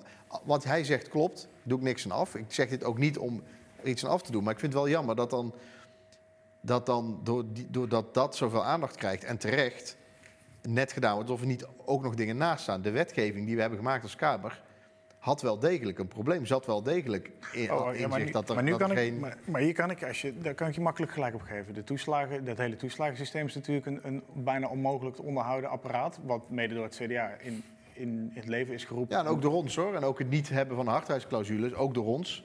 Ja, en, vervolgens kwam. blijkt er een, een, mede door EU-regelgeving dat er vrij makkelijke toegang tot, door Roemenen, Bulgaren, Oost-Europeanen was Ja. tot toeslagensystemen die fraudegevoelig bleken. Vervolgens ontstaat er een fraudejacht. Ja. En die slaat dan weer door met uiteindelijk een uitslag Uh, op die, die, die- toeslag. zijn er ook voor de Bulgare fraude al dingen misgegaan bij de, bij de toeslagen. Ehm, ehm, eh, maar ook toen was, was de wetgeving al eh, compromisloos. En daarna zie je inderdaad welke dynamiek is er. En dat heeft effecten. Een Kamerdebat heeft niet alleen effect op die dag. Het heeft ook effecten op eh, hoe een ambtenaar denkt dat ze willen dat je zijn werk doet. Dat, dat zeker. Nou ja, Als- het als heeft, daar iets, is, met- het heeft als- iets met bedrijfscultuur te maken. Ja, en als Wekers letterlijk zegt in de Kamer... ik ben bereid dit te doen, wat u wil... maar dan gaan er wel de goeie onder de kwaaien leiden. Ja, op het moment dat dan iemand op de werkvloer zegt... ja, maar nou, nou, nou gaan we misschien... we hebben hier een grote bulk, zet alles maar stop, zegt iemand. Dan zegt er één iemand... nou ja, alles moeten we niet zorgvuldig naar kijken... want anders gaan de goeie naar de kwaai, onder de kwaaien leiden. Ja, maar dat heeft de Ka- is gisteren letterlijk gezegd. En toen En, zei de ja. Kamer, dat accepteren we dan. Ja, ja, dan moet de Kamer daar dus ook zorgvuldiger in zijn. Zeker. Want je wilde het ook nog... Dus ja, zo blijven dat soort dingen. Ja, dit, dit, dit is het, het, is, het, het eindbeeld is vrij helder. Er is iets heel groots fout gegaan. Alleen de weg daar naartoe heeft inderdaad heel veel invalswegen en heel veel. nou ja, daar heb je dat pijnlijke woord weer. Nuances. Jij wilde ook heel graag eh, toch met Klaas het over hebben waarom die nou toch weggaat. Waarom die nou toch stopt. Eh, maar dan moet je eerst even instartje 2 aanzetten. Zullen we die eerst even, even bekijken? We hebben weer een filmpje eh, van jou en eh, van uw eh, politiek leider. En dan zeg je altijd, ik heb geen politiek leider, want ik ben een liberaal. Maar hij is de leider van je partij. Zeker. Eh, Mark Rutte en Klaas Dijkhoff over een mogelijke premierschap van Klaas Dijkhoff. Instartje 2 alsjeblieft.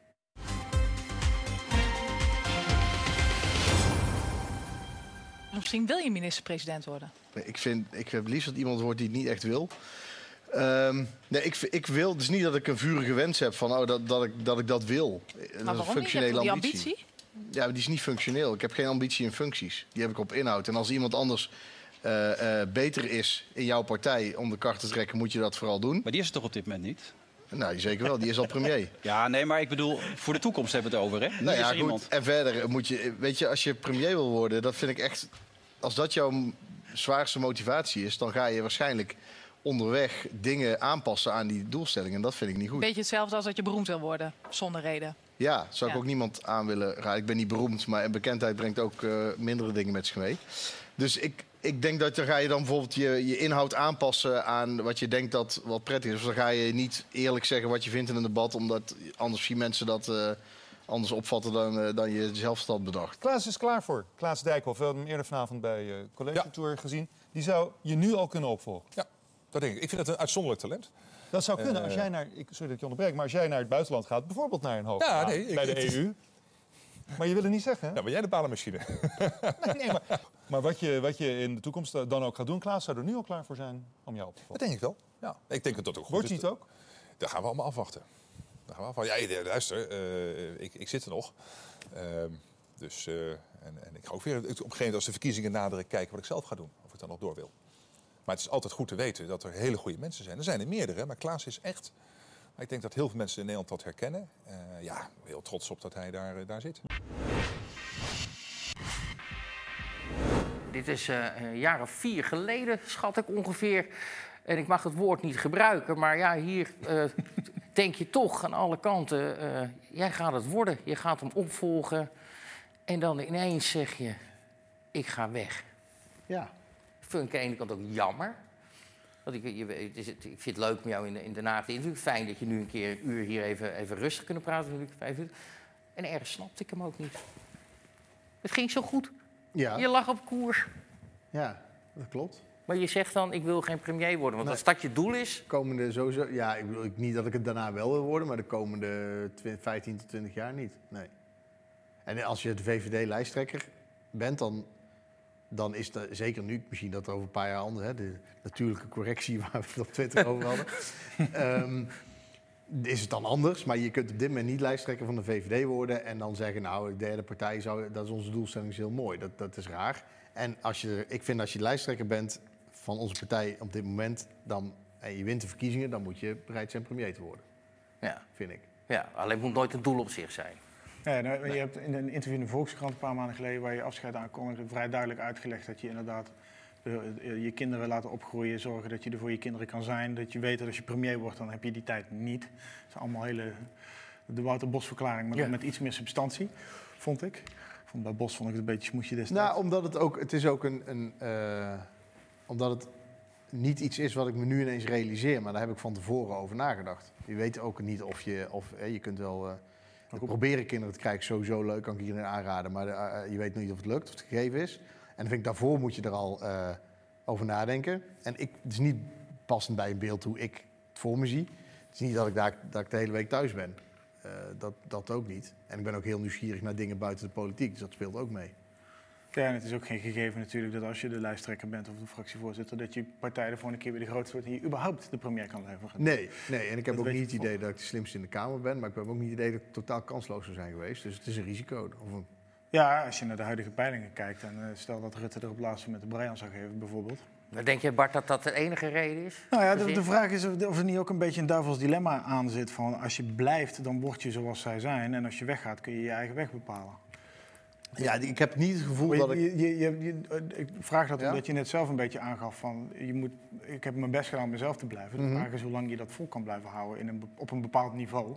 Ja, in een bepaaldezelfde omgeving. Ik heb niet het idee dat, dat anderen mij eh, ergens toe proberen te dwingen. Of dat ik het nog steeds moet... Ik heb het idee dat ik het juist nu bevochten heb.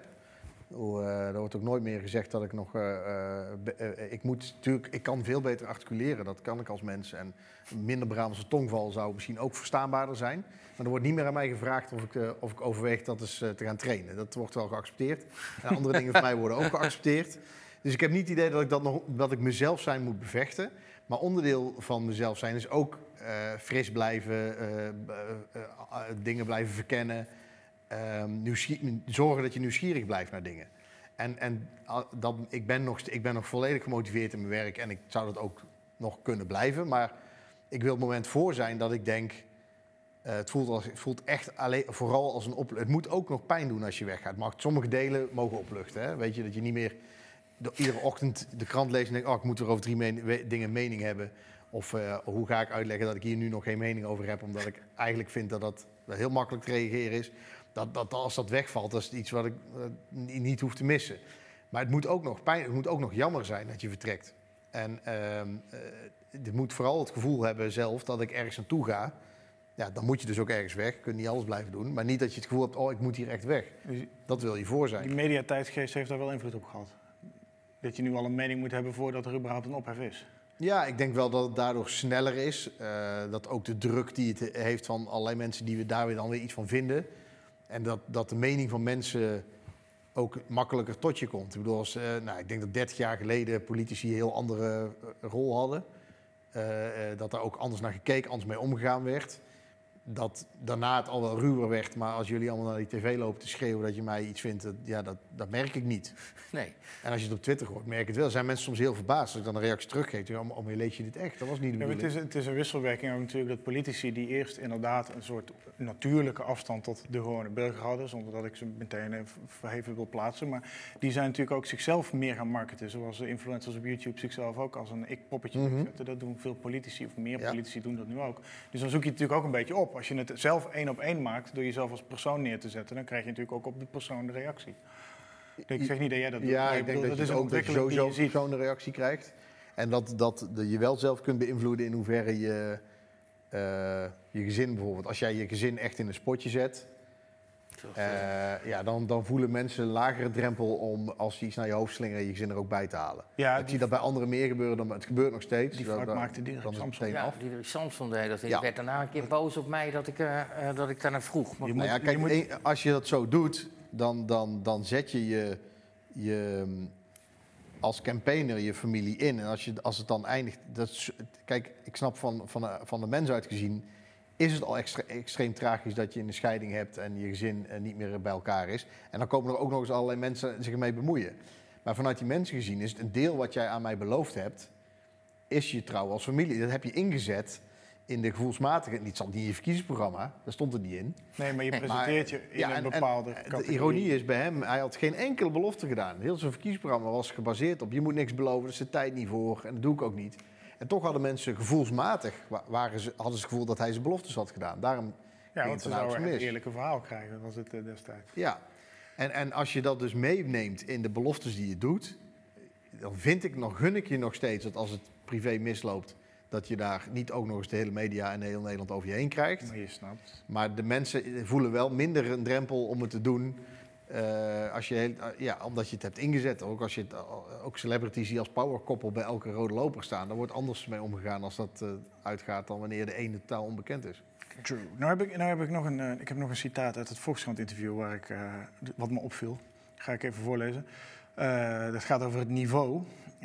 Jij hebt tegen de Volkskrant gezegd, toen ik naar Den Haag ging, dacht ik, oh, nou kom ik op een niveau wat betreft analyse en strategie, dat viel tegen.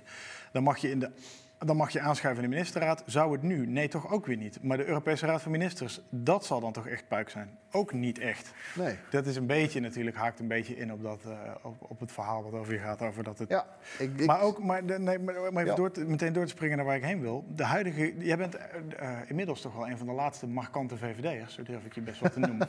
Want als je naar de kieslijst kijkt, dan is hij gevuld met in de partij geboren winkeldochters. Sophie Hermans was, als dochter van Loek Hermans natuurlijk, was PA van Rutte. Bente Becker was PA van Henk Kamp, is speechschrijver geweest van Rutte. Peter Valstar was PA van Hennis eh, als minister van Defensie en van Rutte. Sabine Koebrugge komt uit de JOVD, is nu PA, ja, PA van eh, Barbara Visser. Maar sla, dat is Is niet, de- Je bent nu niet gewoon de top 20 aan het. Je staat ook wel heel veel mensen over. Ja, maar, wel maar vrij- Sophie vrij Hermans, Sophie Hermans en Bente Becker staan natuurlijk wel Ja. heel hoog. Nee, En eh, eh, eh, is, is, het, is, is de VVD nu niet een beetje zo ingericht dat je carrière kan maken binnen het bedrijf en dat de bron een beetje opgedroogd is? Omdat alles om Rutte heen gebouwd is, het succesnummer, de grote man van de VVD, de onschendbare zou je hem bijna kunnen noemen. Hmm. Dat daaromheen minder ruimte is voor mensen zoals jij en anderen. Ik Zelstra is natuurlijk wat ongelukkig gesneuveld, maar... eh, een Teven en een Opstelten waren het ook wel Maar wat- markante wat- VVD'ers. ja. Henk, Kamp, Henk Kamp en Gerrit Salm, om twee eh, onbeschadigde VVD'ers te noemen, zo gezegd. Die zijn meer. staatssecretaris werd, was de boodschap... oh, er komt weer een eh, loyale, kleurloze, flatset partijsoldaat... die een keer twee moties heeft ingediend. Die wordt nu staatssecretaris. Omdat alles bij Rutte heen is gebouwd. En, daarna, en nu ben ik, als ik vertrek, een markante VVD'er. Dus je moet mensen ook de, Ja, daar ga ik de op tijd- aangepakt worden. op de, tijd geven om, eh, om, aan het, eh, om, om met, zonlicht erop te kijken of het bloeit en minder schaduw van anderen. Even het punt daarvoor, ik snap als je hem zo opleest. Toen ik hem zelf teruglas in het interview, dacht ik ook, oké, dit gaan mensen arrogant vinden. En dan past het bij Maar zo die- bedoelde ik het niet eens. Nee, maar de- bij die uitspraken die je van tevoren had. Ik bedoel dat juist, het was voor mij altijd een relativering. Ja, ja, Weet je, dat ik, ja. dat ik ergens, uiteindelijk zijn het allemaal mensen die, die, die er ook maar het beste van maken. En ook Merkel die dan in een, nou ja, het, het was geloof ik geen kelder, maar het was wel een raamloze ruimte waar Juncker nog stiekem ging, nou niet stiekem, maar het mag eigenlijk niet. Die gingen zitten roken en dat was Tsipras en Orbán.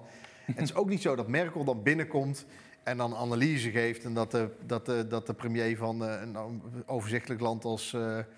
ehm, eh, ja, Macedonië. Ik had Montenegro in mijn hoofd, maar het was Macedonië. Eh, Macedonië dan zegt, oh natuurlijk mevrouw Merkel. Nee, die gaat dan ook zeggen, nou, als jij dat wil.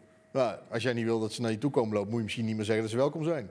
Weet je, dat, zo, zo plat. En dat Orbán op een gegeven moment eh, eh, zoiets naar me toeschuift. Dan moet je eens kijken dat hij een soort Ho- Hongaarse revue of actueel had. Dat je ook gewoon dacht, ik ben uitgenodigd, kan hier niet komen. Maar ik ga hier puur mijn desert, hè, wat Mark daarna met zijn Chopin-biografie deed, deed hij met zo'n blaadje. Gewoon puur uitstralen. Ja, Gutierrez, hoge commissaris van de VN voor vluchtelingen eh, en, en eh, later inmiddels eindbaas. Ja, mevrouw Merkel, eh, eh, leider van het machtigste Europese land. Het zal allemaal wel. Ik, ik straal hier iets heel anders uit. Dat was voor mij, eh, eh, dacht ik, ja, dit is misschien juist wel... eh, Als je hoopt dat er een mythische, betere mensen zijn die jou regeren, dan is het ontluisterend. Als je ziet dat daar echt gewoon lekenbestuur en democratie waargemaakt wordt, omdat het ook gewoon mensen zijn en dat jij je dus niet te min hoeft te voelen als je denkt, nou, zou ik dat wel kunnen? Dan is het op zich relativerend en best wel positief. En ook die mensen die, die nu op de lijst staan, ik denk dat daar een paar tussen zitten die over een paar jaar eh, markant zijn, maar op hun eigen manier. Ehm, eh, eh, je kunt zeggen, ja, ik vertrek. Ik heb alle kansen gehad de afgelopen tien jaar. Ik heb niet hoeven veranderen. Ik heb wel eens gehoord, ja, de manier hoe jij je uit in een bepaald traditioneel van deel van de achterwand, moeten ze daar erg aan wennen. Nou, dat is natuurlijk een eufemistische manier om te zeggen, misschien moet je anders uit. Ik heb al gedacht, nou ja, dat moeten ze dan maar doen. Dus dat, ik hoop juist dat de ruimte, de, vri- als je bij ons op, nou nu geen congres en festivals meer, maar als je daar foto's maakt en niet de shots die, die media graag maken, dat ze die twee mensen met die stropdas nog gevonden hebben. Maar het beeld, het beeld is de anders. bitterbal. Bitterballen blijven. Ja. ja. Dus eh, ik denk dat het volgende congres zelfs kunt kiezen met of zonder vlees, maar ze zullen, de bitterballen zullen blijven. Maar eh, eh, ik bedoel, ja, neem mijn stadgenoot Daan de Neef, die op de lijst staat. Ja, die, die kun je ook zeggen. Die speech had je ook, had je, op de een of andere manier zeg je daar niet van. Die heeft bij de fractie gewerkt, die heeft Mark Rutte speech geschreven, is gemeenteraadslid in Breda. Ja, als je vijf minuten op zijn Instagram kijkt, dan, dan past hij niet helemaal in, in, het plaatje wat je probeert op te roepen. Hij heeft wel ook die achtergrond, wel die ervaring. Ik weet niet se of ik een plaatje probeer op te roepen. Het is meer dat ik denk dat het. Ik vraag me af of de, of de VVD niet in die tien jaar onder die, onder die ongenaakbare leiding van Rutte. tot een partij geworden is die. Eh, volledig op Rutte is toegespitst. Ik denk dat dat we- daar binnen dat de ruimte dat beperkter is geworden. Ik denk dat het, het punt dat, dat, dat we juist over de, nou ja, of het een dal is of een top, maar over het punt heen zijn dat, dat, eh, dat het juist nu minder is dan de vorige keren. Eh, Maar Ook omdat de inhoudelijke ruimte er totaal was om, om te vernieuwen en ook op personen. Dus ik denk dat je, hoop ik, dat, dat is het doel wat we hebben, eh, maar het moet er nog uitkomen, dat, dat je straks meer, dat je het gevoel hebt juist dat het opener is en meer markant is en dat er meerdere eh, types rondlopen die uiteindelijk wel eh één fractie vormen. heb je, dan, heb je dan op een gegeven moment niet wat meer mensen nodig die binnen de partij wat meer eh, een, een, een debat of een ideologische koers varen? Want Rutte is een, als je het positief uitlegt, je kan het ook heel makkelijk positief uitleggen. Een uitstekende debater, een man die, het- die, Mhm. die je overal naartoe kan sturen om Nederland te representeren, die nu in Europa, als Merkel straks weg is, de langzittende is en dus een reputatie heeft. En dat is Mhm. goed voor Nederland. Ja. Eh, maar hij, eh, en hij is in debat... Dit knippen even als campagnefilm. Hij, is- hij is in debat onvers- onverslaanbaar, maar hij is ook uitgesproken ideologieloos. En hij, hij beweegt mee met de tijd en dat doet hij in zekere zin goed, maar maakt dat intern de liberale ideologische debatcultuur, Nou, kijk, structuur het- niet een beetje stuk. Jij, bent, jij, hebt een, jij hebt een internetverleden onder, onder de nickname Zijkhoff. ooit. Ja. Je bent een vrij uitgesproken man, dat, dat ben je, dat blijf je. Maar ik heb het gevoel dat het binnen de VVD is dat een beetje doodgeslagen. En dat iemand die dan wel een beetje er raar tussenuit steekt... en nou is misschien Wieber van Haga niet het beste voorbeeld... maar die springt dan wel, die, die, die kan Die, dan ook ging, die niet... is niet eruit gezet vanwege zijn mening, hè? Nee, dat weet Dat slokje op en zo. Ja, ja, En zich niet, uiteindelijk niet aan afspraken gehouden. Dat nekte hem. Op een gegeven moment, ik ben daar nog, toen kreeg ik, was ik te soft. eh, En uiteindelijk hebben we duidelijke afspraken gemaakt. Ik denk dat het, dat, dat juist eh, over het eh, angstigste punt heen is. Het, de- ik denk dat de laatste jaren, en toen kwam corona, maar we waren echt... eh, ehm, er was meer debat dan voorheen. Eh, het gaat wel vaak in de partij, in goede harmonie. Dus niet zoals bij eh, nou, de Partij van de Arbeid heeft een abonnement via de kranten en met ruzie. En dat in inhoudelijke discussie altijd eindigt met het afscheid van een paar partijgenoten. Dat, dat, wil ik, dat zou ik niet een gezonde cultuur vinden. Maar het was, aan het, het was echt aan het verbeteren. Ook de, de inhoudelijke eh schwung die we eraan hebben gegeven is daar een teken van. Ik vind zelf ook de lijst, maar dat moet er dan straks uitkomen. Dus we zijn ons heel erg bewust van die risico's die je hebt. Eh, dan vind ik dus ook, wat ik op Twitter zei, op zijn plaats... dat de kiezer op een gegeven moment zegt... nou, jullie hadden het zelf niet door, we geven je even een hard seintje. We hebben dat eigenlijk voor onszelf als uitgangspunt genomen. De natuurwet is dat het een beetje af begint te lopen... en dat we dan, dan gaan we straks eh, mensen vragen die een rapport schrijven... maar we weten al wat er in het rapport staat. Want er is namelijk al drie, 23 keer geschreven over iedere partij die lang de grootste was. Laten we dan nu die lessen vast te harte nemen.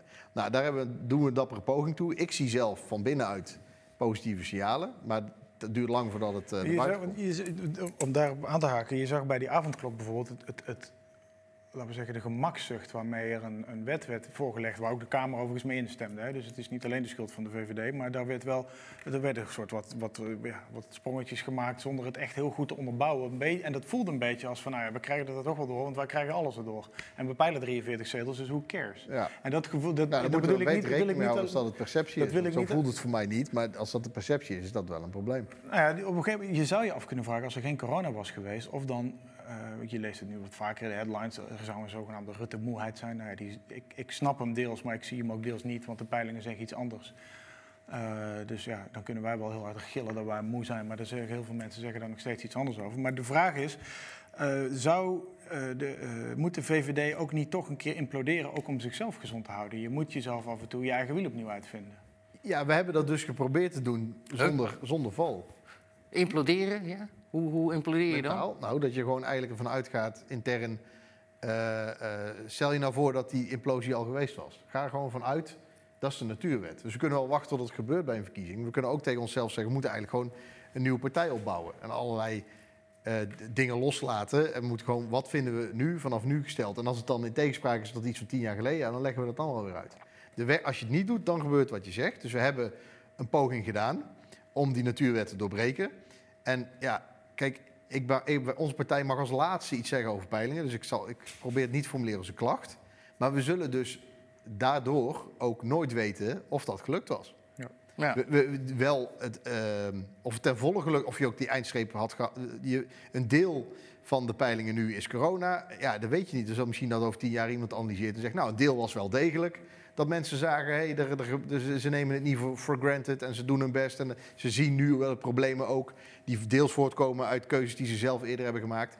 Ja, ik, ik, je, het is nu niet een, een, ja, een ruisloze weg naar de stembus waarin dat alleen beoordeeld Ik wordt. hoef jou het rally around the flag effect niet uit te leggen, denk ik inderdaad. Wat Nee, dus dat speelt ook mee, maar je weet nooit hoeveel. En, eh, je, die- Nou ja, maar dat, dat, is dus dat is hetzelfde als de avondklok koppelen aan de één persoon thuisregel. Je kan ze niet los van elkaar beoordelen. Nee, nee, maar ja, je hebt hard getraind om een tegenstander te verslaan. En, eh, en, en, en misschien was het met het strijdplan ook gelukt in hun beste opstelling. En als ik even aan het voetbal denk, en op een gegeven moment worden, raken er drie geblesseerd. Een dag voor eh, drie de beste spelers. Ja, je, als je dan vervolgens, als je al wint, hè, want het is, nog, het is nog lang. Ja, dan gaan ze natuurlijk, dan is, ja, was het omdat je zo goed voorbereid was? Of was het ook... Omdat de tegenstander er minder goed En was het anders wel, weet, weet ja, je gewoon nee, niet. dat zie je bij de PvdA natuurlijk, die vier jaar lang zich op een goede manier gedijfschouden hebben, maar wel geprobeerd om een beetje constructieve oppositie te voeren. En vlak voordat de verkiezingen beginnen, moet de Nou partij ja, de, de rol die Lodewijk Asscher in die coronadebatten vervulde, die is, die is nu weg. En dat, kan, dat moet je ook opbouwen. Dus het, is niet, het zegt niks over ploemen. Maar het, is wel, het zijn wel andere debatten nu. Ik wil even naar de campagne, ik, Bart. ik, nee, ik wil nog. Ik, eh, ik had nog één ding, wat wilde ik nou zeggen? Oh ja, over als de, eh, als de VVD. eh, het ziet er naar uit dat jullie met de verkiezingen straks weer de grootste worden. Als er dan een. eh, en dat vraag ik als kiezer, niet als VVD-stem, maar wel als kiezer. eh, die, die Rutte-doctrine, of die nou wel of niet bestaat, daar kunnen we nog heel veel bier over drinken en over doorgaan. Maar die, het uitvoeren van, het, eh, van die motie omzicht over die artikel 68, betere informatievoorziening. Rutte schreef in die brief, of in die, in die campagne-uiting van afgelopen weekend, schreef hij dat, dat hij geleerd had dat je fouten kan maken en ze ook gewoon kan erkennen. Mhm. Ik zie dat vanuit waar ik sta nog niet, of zeker niet voldoende. Als je nou jezelf wil uitvinden en door wil gaan, zou dat het, als ik, als ik de positie in mag nemen om een advies te geven, meer eerlijkheid, sneller fouten toegeven, kom je volgens mij met veel meer weg. Iedereen snapt dat er fouten Ja, gemaakt als goed kom je er dan niet meer mee weg. Maar Nou ja, nee, maar ik bedoel, het dan snappen mensen het van, Ja, luister, ik ik heb het verkeerd gedaan.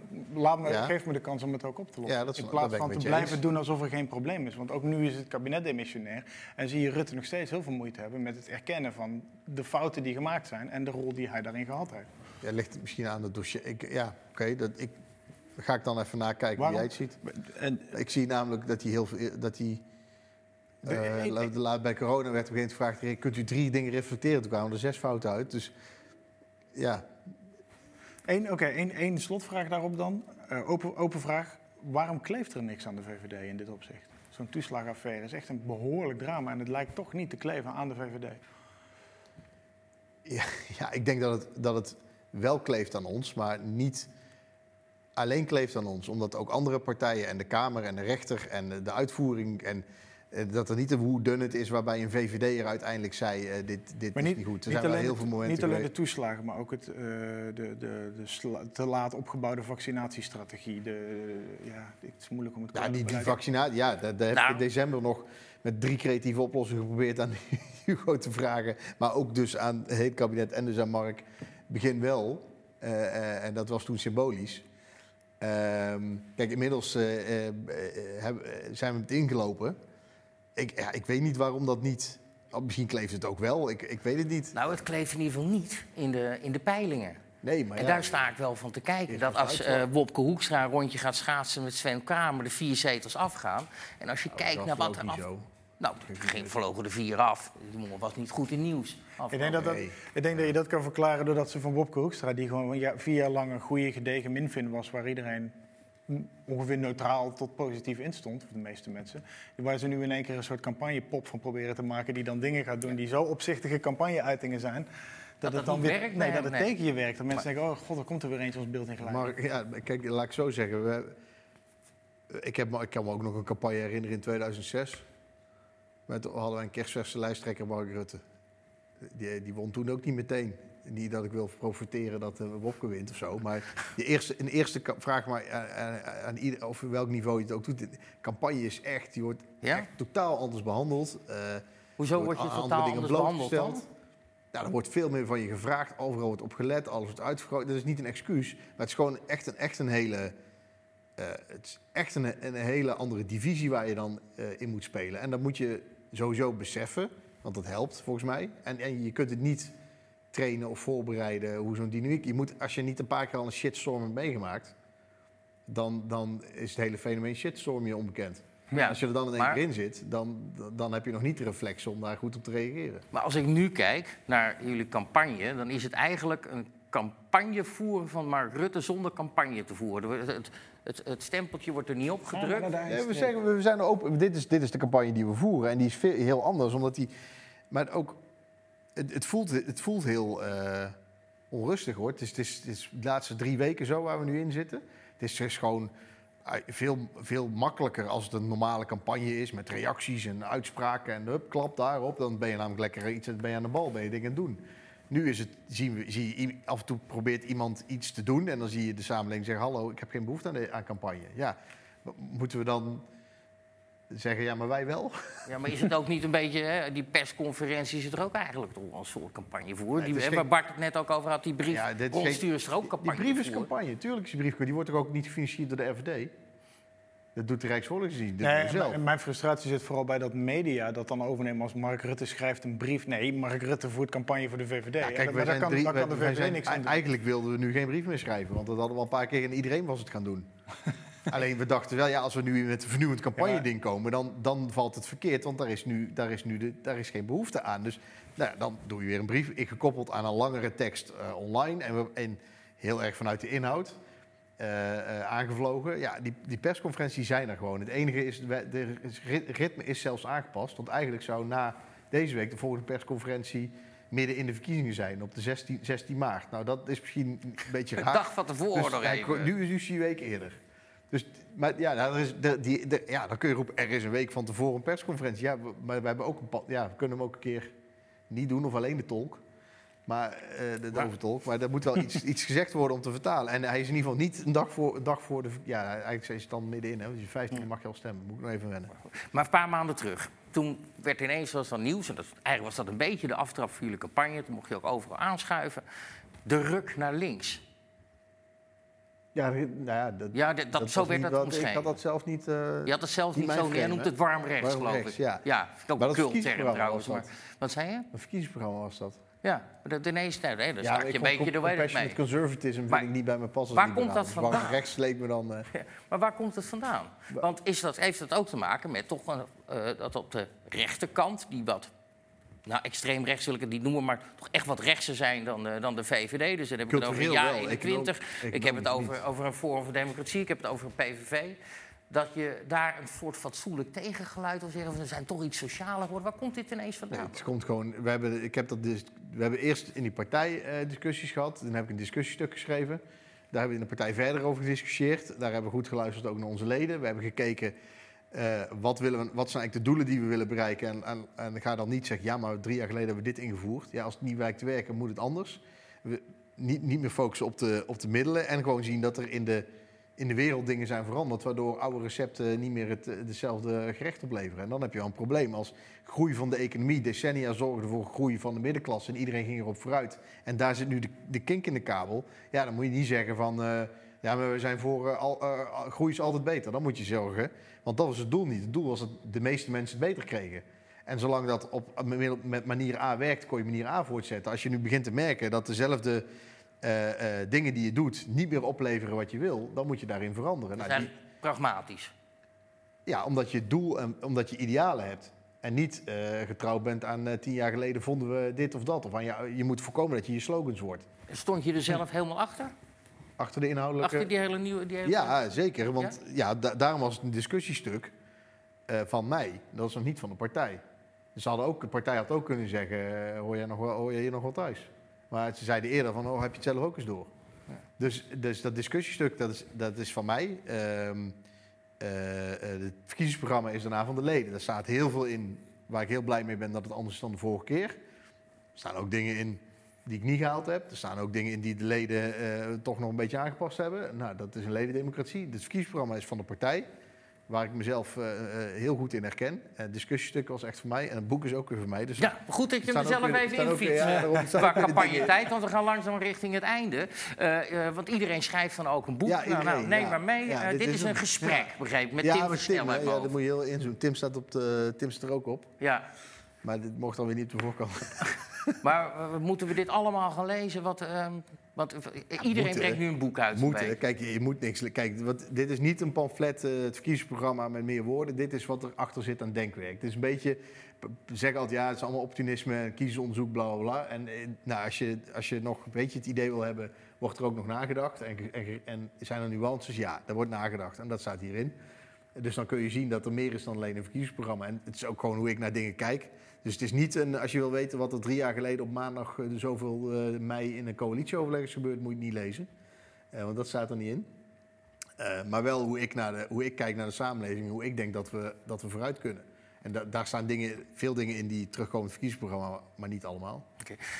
17 maart. Ik denk, als ik een kleine voorspelling mag doen, dat je 18 maart een, een goede kater hebt. Eh, dat je een borrel hebt gedronken, maar ik bedoel eh, van de drank. en Niet, maar, maar van- vanwege van- de Ja, dat verkiezingsoverwinning. zei eh, Napoleon over champagne. In, in, in victory you deserve it, and in defeat you need, in defeat you need it. ja, je dus moet sowieso, heb je een sowieso kater kater. 18 maart. Ik denk dat, dat bijna iedereen wel een variant daarvan heeft om, om een excuus te hebben om toch gewoon die fles open te kunnen Ja, ja, dus die moeten we ook niet te lang laten liggen. hè. Mensen die altijd zeggen, ik bewaar deze fles champagne voor een goed moment. Het goed, beste Onzin. moment is nu. Het is, geen, het is niet iets wat je moet bewaren. Nee, jij bent ook wel van het glas is half vol, zeg maar. Dat, eh, Ja, zeker met seizoensproducten. Het wordt smeriger als je het langer laat liggen. Dus, eh. en, en, en dan? Zijn we dan van je af? Of eh, krijgen we je nog een keer te zien? Kom je nog een keer terug? Word je een van de vele, vele, vele voorlichters en strategische adviseurs op het Binnenhof? Nee, nee, nee, nee, dat niet. Nee, we, eh, er zijn wel meer producten die we proberen te ontwikkelen. Ik ga een bedrijf beginnen met een paar mensen, kijken of dat lukt. Bier ontwikkelen, bier brouwen. nee, geen dat bier. zou ik Nee, nee, wel, nee, nee, nee, wel. eh, Maar waar, waar in de, in de, dan in de wat- research, eh, naar research camp- framing en campaigning zit er wel in, maar ook eh, gedrags. eh, hoe mensen echt keuzes maken. Dus mensen worden vaak gevraagd in surveys: wat vindt u van? Eh, dat- maar dat is helemaal niet de indicatie wat mensen ook echt doen. Dus, je, dus daar zijn slimmere methoden van om, om dat te onderzoeken en daar ook je voordeel mee te doen. En ehm, Spannend. dan zijn er best veel maatschappelijke ontwikkelingen die in de politiek beslist worden. Maar er zijn er minstens zoveel die eigenlijk de politiek alleen maar af, inkopt en afrondt. Dus je gaat Dus gewoon zijn- gelijk aan de slag. Ja, dat is wel mijn bedoeling. Ja. Dus geen wachtgeld, gewoon lekker aan het Ja, werk. Ja, paar- sorry, ik moest toch eerste maand even. of zo. Maar ehm, ja, die moet, je- ik ga wel ontheffing vragen zodat ik meteen mag beginnen. Want anders, eigenlijk moet je drie maanden. Moet je jij bent moet- je verplicht om drie maanden pauze ja, niet houden. verplicht om pauze te houden, maar er wordt wel aanbevolen om, om niet te snel in iets te stappen waarvan je niet zeker weet of het het is. Maar dan ga ik zoals ontheffing eh, aanvragen. militairen die uitgezonden zijn naar Ja, Afghanistan en die via ja. Kreta terugkomen om eerst even te ontspannen. Ja, En wat Ja. ga je missen?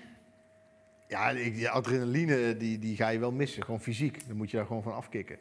Ja? Dus dat ga je, ja, dat denk ik wel. Daar hou ik wel rekening mee. Is, is het echt zo'n elke dag weer een, een wedstrijd? Ja, je zeg staat maar? altijd aan, de telefoon moet je meteen aan. Het is niet als mijn telefoon gaat, het is niet ik denk, oh gezellig, wie zou er eens bellen? Dan denk je eigenlijk, oh shit, er is shit. Wat is er nu weer? Wat Ja. nou weer? Ja, Ja. en dat is best, die kans is best groot. En elke dag. En soms eh, heb je drie dagen na weer vergeten waar je je druk om maakte. Omdat het niet groot is geworden. Maar dat, dat geeft wel een, gewoon, dat is gewoon fysiek iets. Dus ik, waar, waar ik ook gezond vind als ik het zal gaan missen. Maar eh, dat, Wat ga je niet missen? nou ja, op het moment dat het je, je, dat het je Ja. heel dicht bij huis komt. Dat, dat ga je niet missen. Maar die roze microfoon die kon je wel hebben? Ik heb daar nooit, eh, nooit nee. Kan wel, nee, ik heb daar nooit aan geërgerd. Nee. Wat is de tip voor je opvolger? Ik heb me altijd vooral hilarisch.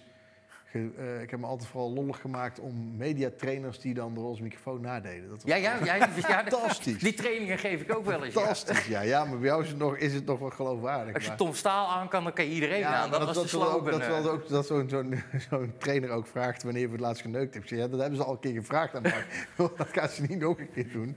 Maar ehm, nee, ik heb, ik heb dat altijd... Ja, ik heb volgens mij niet... Ik was niet iemand volgens mij die expres drie keer langs de patatbaan liep in de hoop dat je me nog een keer aansprak. Maar ik ben ook niet omgelopen om het Daar te zijn er een paar die dat inderdaad doen. Over die, over die trainingen. Er was dus ooit zo'n training in een gebouw ergens eh, met meer dan 150 mensen. Die kregen dus zo'n soort anti-poont training. En toen ging Poont wilde daarheen om te gaan filmen. En toen hebben ze dat doodsbang de deuren dichtgegooid. Dat klopt, ja. Technische training. Als je nou ooit iets wilde leren, dan laat je ze toch meteen binnen. Maar goed. Nee, we hebben, we hebben wel eens dat, met- toen je in, helemaal naar, naar de Duitse grens was gekomen voor ons fractieweekend.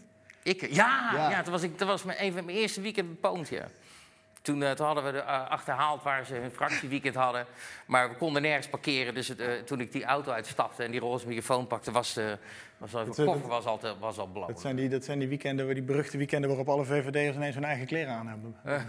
ja, ja, ja, Ja, ja. inmiddels, inmiddels Ook- mag dat ook op andere momenten. ook is dat leren fijn. ze trouwens maar bij de serieus, JOVD, twee ja. fracties geleden, ja, dat is serieus. Een collega in Spijkerbroek werd gewoon aangesproken door, door een senior fractielid. Waarom draag jij een spijkerbroek?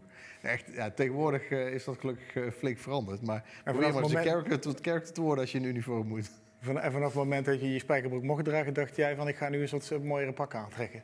Eh, ja, wanneer was dat toch? Nee, dat was het moment dat ook een goed bedoeld eh, adviseur zei dat ik me te dandy kleden om aansluiting te vinden. En als ik verder wilde komen, was voordat ik staatssecretaris werd, dat ik dan toch wel eh, eigenlijk gewoon slechtere pakken moest dragen. Ik denk, nou, ik zal je hebben, ik zal er een vest bij doen ook. Maar ik, ik denk, schijt toch uit, joh. Ja, heb je wel goed naar geluisterd vandaag.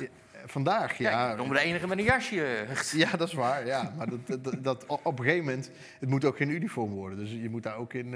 Hey, even een persoonlijke vraag. Heb jij, eh reaguur jij bij Geen Stijl? Nee, Echt niet? nee. Oh, jammer. Is er iemand waar het op... Nee, dat vragen we altijd. Of je, eh, we zijn wel benieuwd naar je nick. Nou ja, ooit. Maar ik heb dat- wel... Ja, ooit, ja? Ja, dat, die had je al onthuld. Dat was. Ze- Ook, Die mij- Ik dacht dat hij daar gewoon onderschreef op Twitter of Ja, zo. nee, eh, op, ik schreef columns in het studentenblad onder die titel. Je hielp ook Ehm, mensen met hun computerproblemen in bepaalde fora, geloof ik. Ja, ook. Ja, dat was gewoon een standaard nickname. En eh, die- dus als mensen een grapje willen uithalen, helaas, zijkhof.nl heb ik gewoon zelf geregistreerd. dus dat is al, al, al tien jaar trouwens. Dus iedereen, het was heel makkelijk te vinden. Als je, maar niemand heeft ooit gezocht. Maar jullie hebben nog dieper eh, gezocht op die nickname, ja. Nee, ja, zo- zo- dat was gewoon mijn internethandle, ja. Oké. Ik, ik, ben- ik, ik weet wel een beetje hoe ik over kan komen. We eh, hebben nog eh eh, reaguurdersvragen voor je. Ah, leuk. Durf je dat aan? Ja. Ze zijn, we hebben er drie uitgekozen. Eentje van Pluk Pluk 2. Is de VVD blij met de corona- coronacrisis... zodat de focus in de campagne niet ligt bij het rapport Ongekend Onrecht? Nee. Nee, dat is niet blij. Maar denk je dat het wel meewerkt? Dat die crisis wel heel veel aandacht afleidt? Ik, niet, nou, de crisis zuigt gewoon bijna alle aandacht van mensen Ja. op. Het is het dominante thema van mensen, nu, voor mij persoonlijk ook. Eh, je weet nooit wat er anders was gebeurd, maar dat is gewoon een feit. Ik ben daar niet blij mee. Eh, ik heb liever eh, dat we verkiezingen... Als, luister, als, als vorig jaar een of andere eh, op, een, op een kruispunt... eh, net zoals Blind Willie Johnson ooit zijn ziel verkocht aan de duivel... om goed gitaar te spelen, tegen ons had gezegd... je hebt twee keuzes. Je wint de volgende verkiezingen, maar er breekt wel een pandemie los... Of al die mensen gaan niet dood en de economie gaat niet kapot, maar, daar, maar je verliest wel de verkiezingen. Dan zou Dan, Kees dan Bergen- hadden we gewoon sollicitatietraining gedaan. Dan zou Kees Berghuis antwoord verkiezingen A... overloren. Kees Berghuis zou antwoord A gegeven Ah, hebben. nee. Hem wordt zoveel toegeschreven. Ja, dat is niet Zo makkelijk voor al die anderen. Ik heb, nee, ja, dat is de hoofdvoorlichting van de VVD. Ja, ik weet het, ja, Ik, inderdaad. heb, ik, kwam, ik, ben, ik Ik was de eerlijkste man in showbiz. Nou, de, ik, kwam, nou, ik kwam hem ooit tegen in. eh, ik kwam hem wel vaker tegengekomen, maar ik kwam hem tegen bij het debat tussen Rutte en Baudet in de Rode Hoed. Ja. En toen kwam hij naar me toe en toen zei hij: Jij bent Bart toch? En toen gaf hij me hand. Ik zei: Ja, jij bent de meest verschrikkelijke man van het Binnenhof. En toen zei hij: Ja, ik ben de Roger Stone van Den Ja. Haag.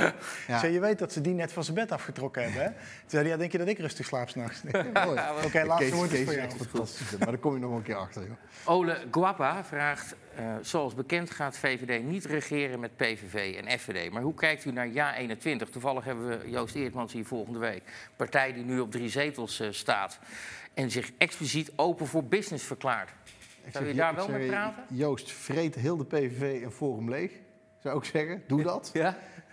Zorg dan dat je geen ehm, mensen in huis hebt die door brievenbussen plassen, racistisch doen, hun vrouw uitlenen en dat soort zaken.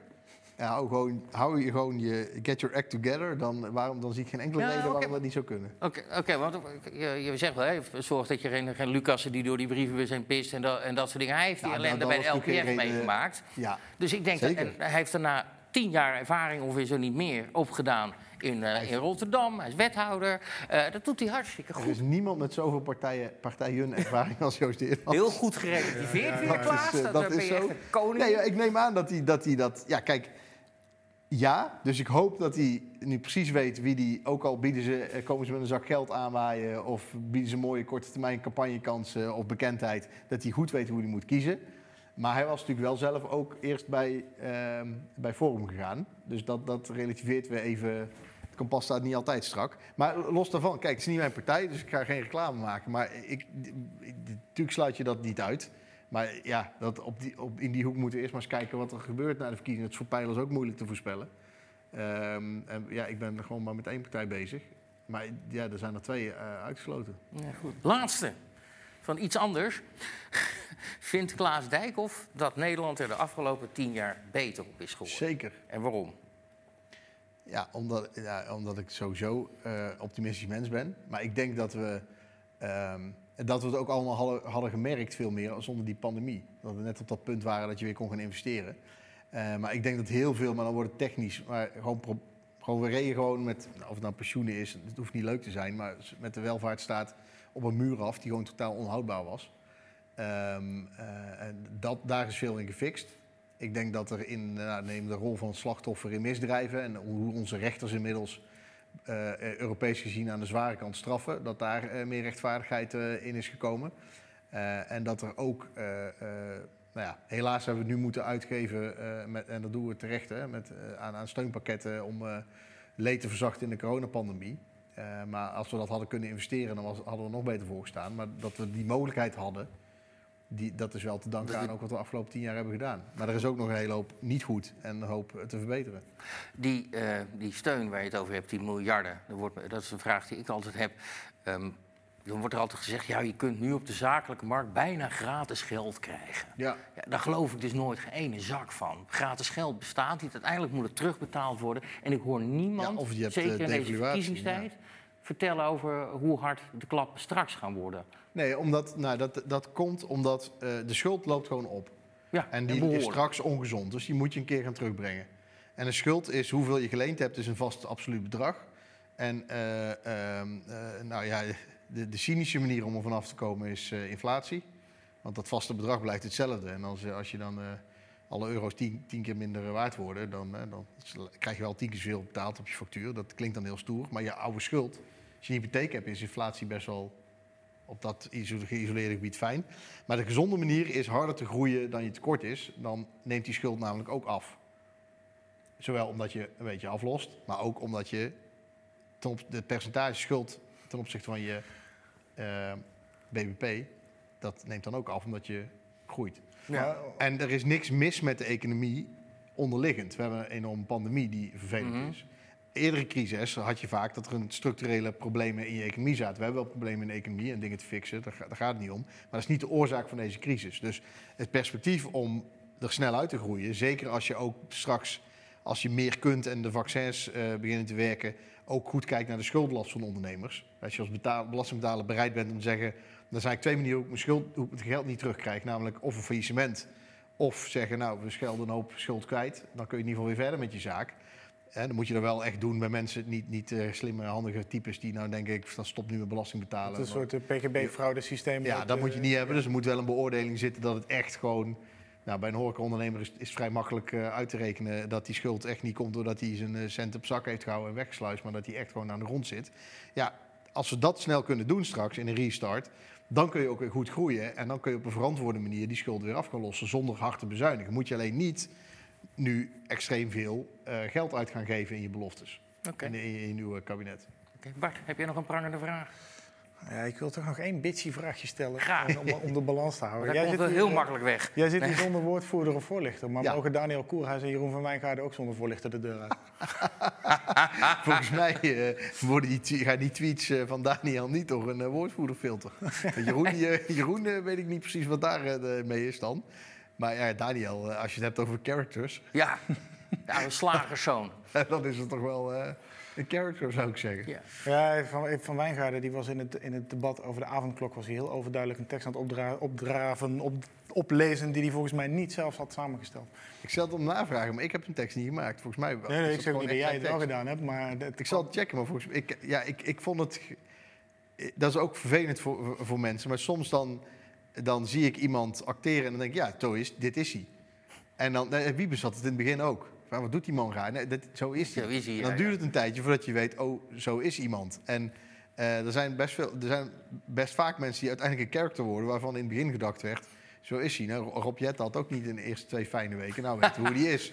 Dus ja, dat, dat moet ik even. Ik, had niet ik heb dat debat gekeken. Ik had niet het beeld dat hij daar niet zichzelf was. Of, of het, eh, nee. Ja, het, het, goed, zag, het zag eruit, het zag eruit als een corvée-dienst. Maar laten we het avondklokdebat niet nog even gaan... eh, Beste Klaas, heb je het gevoel gehad dat je alles hebt kunnen zeggen... of is er iets, nog iets wat je kwijt wil? Ik ga niet nog een keer over mijn boek beginnen. Nee, nee, nee, dan moeten ze gewoon kopen. Hè, hoeveel zijn er al verkocht? Ik weet het niet. Eh, ik, ik heb Kijk, jij, geen- jij kijkt nooit op de bonnetjes, kijk dat is waar. Maar dit is ook nog niet betaald. Dus, ik, maar ik, ik, nee, ik, heb wel, ik kijk er wel naar. eh, hier zal ik heel eerlijk zijn. Eh, toen ik vorige week die bestseller top 60 eh, niet instond en hoorde van de uitgever dat ik op 61 stond achter Faya Laurens Killerbody, dacht ik, ja, dat is toch vervelend. Ik heb vandaag gekeken op de, in de bestseller top 60 en hij staat zwaar op 33. Dus dat, Kijk aan. dat vind ik niet tegenvallen voor een Nee, politiek nee, boek. nee. Maar, de, maar het precieze aantal. eh, na, deze, aantal weet na ik deze uitzending zag hij ongetwijfeld weer weg met onze invloed kennende. niet. Jullie halen ze terug van. Je brengt ze allemaal terug. Hey, weet je wat ik leuk zou vinden? Want eh, als je een keertje, als je het leuk vindt, als je straks politicus af bent voor Ja. een tijdje en weer gewoon eh, en ook een biertje in beeld kan drinken, dat je als onze chipsnootjes bierbar weer open gaat, dat je dan een keer gewoon lekker een biertje komt drinken. Ja, lijkt me goed. Nou, want zijn wel andere dingen dan politiek hebben. Zullen we dat doen? Dat is goed. Dan dank ik je hartelijk eh, voor je tijd. Stuur ik een Bart. offerte als zelfstandig ondernemer. Ja, hoor, stuur maar een offerte. Daar doen we dan verder ook niks mee. Nee, dat weet ik Eh, maar goed, Bart, ook eh dank je wel. Kijkers, bedankt. Deze uitzending is wegens speciale omstandigheden vooraf opgenomen. Maar we belo hebben, beloven u, er wordt niet in gemonteerd. Dit was Schermtijd voor Politieke Partijen. Is niet Met- ingemonteerd, moet je dan zeggen. Want op het moment dat mensen dit lezen... Ja, het is lastig. Ik Zit midden in mijn zin. Ja, Whatever. Deze uitzending is, nu. deze uitzending is voor, wegens speciale omstandigheden vooraf opgenomen. En er is, is of was niet in gemonteerd. en ik praat geeft door er je heen om dat te bewijzen. Want normaal gesproken zouden we dat dus inderdaad kunnen Precies. monteren. Deze uitzending is vooraf, eh, eh, wegens speciale omstandigheden, vooraf opgenomen. Daar is niet in gemonteerd, dat beloven we u. U kunt er dus, eh, het is nu zo waarschijnlijk ongeveer half elf. Bedankt voor het kijken. Zoek het allemaal lekker uit. Volgende week Joost Eertmans op vrijdag om 9 uur van Ja 21. Dankjewel.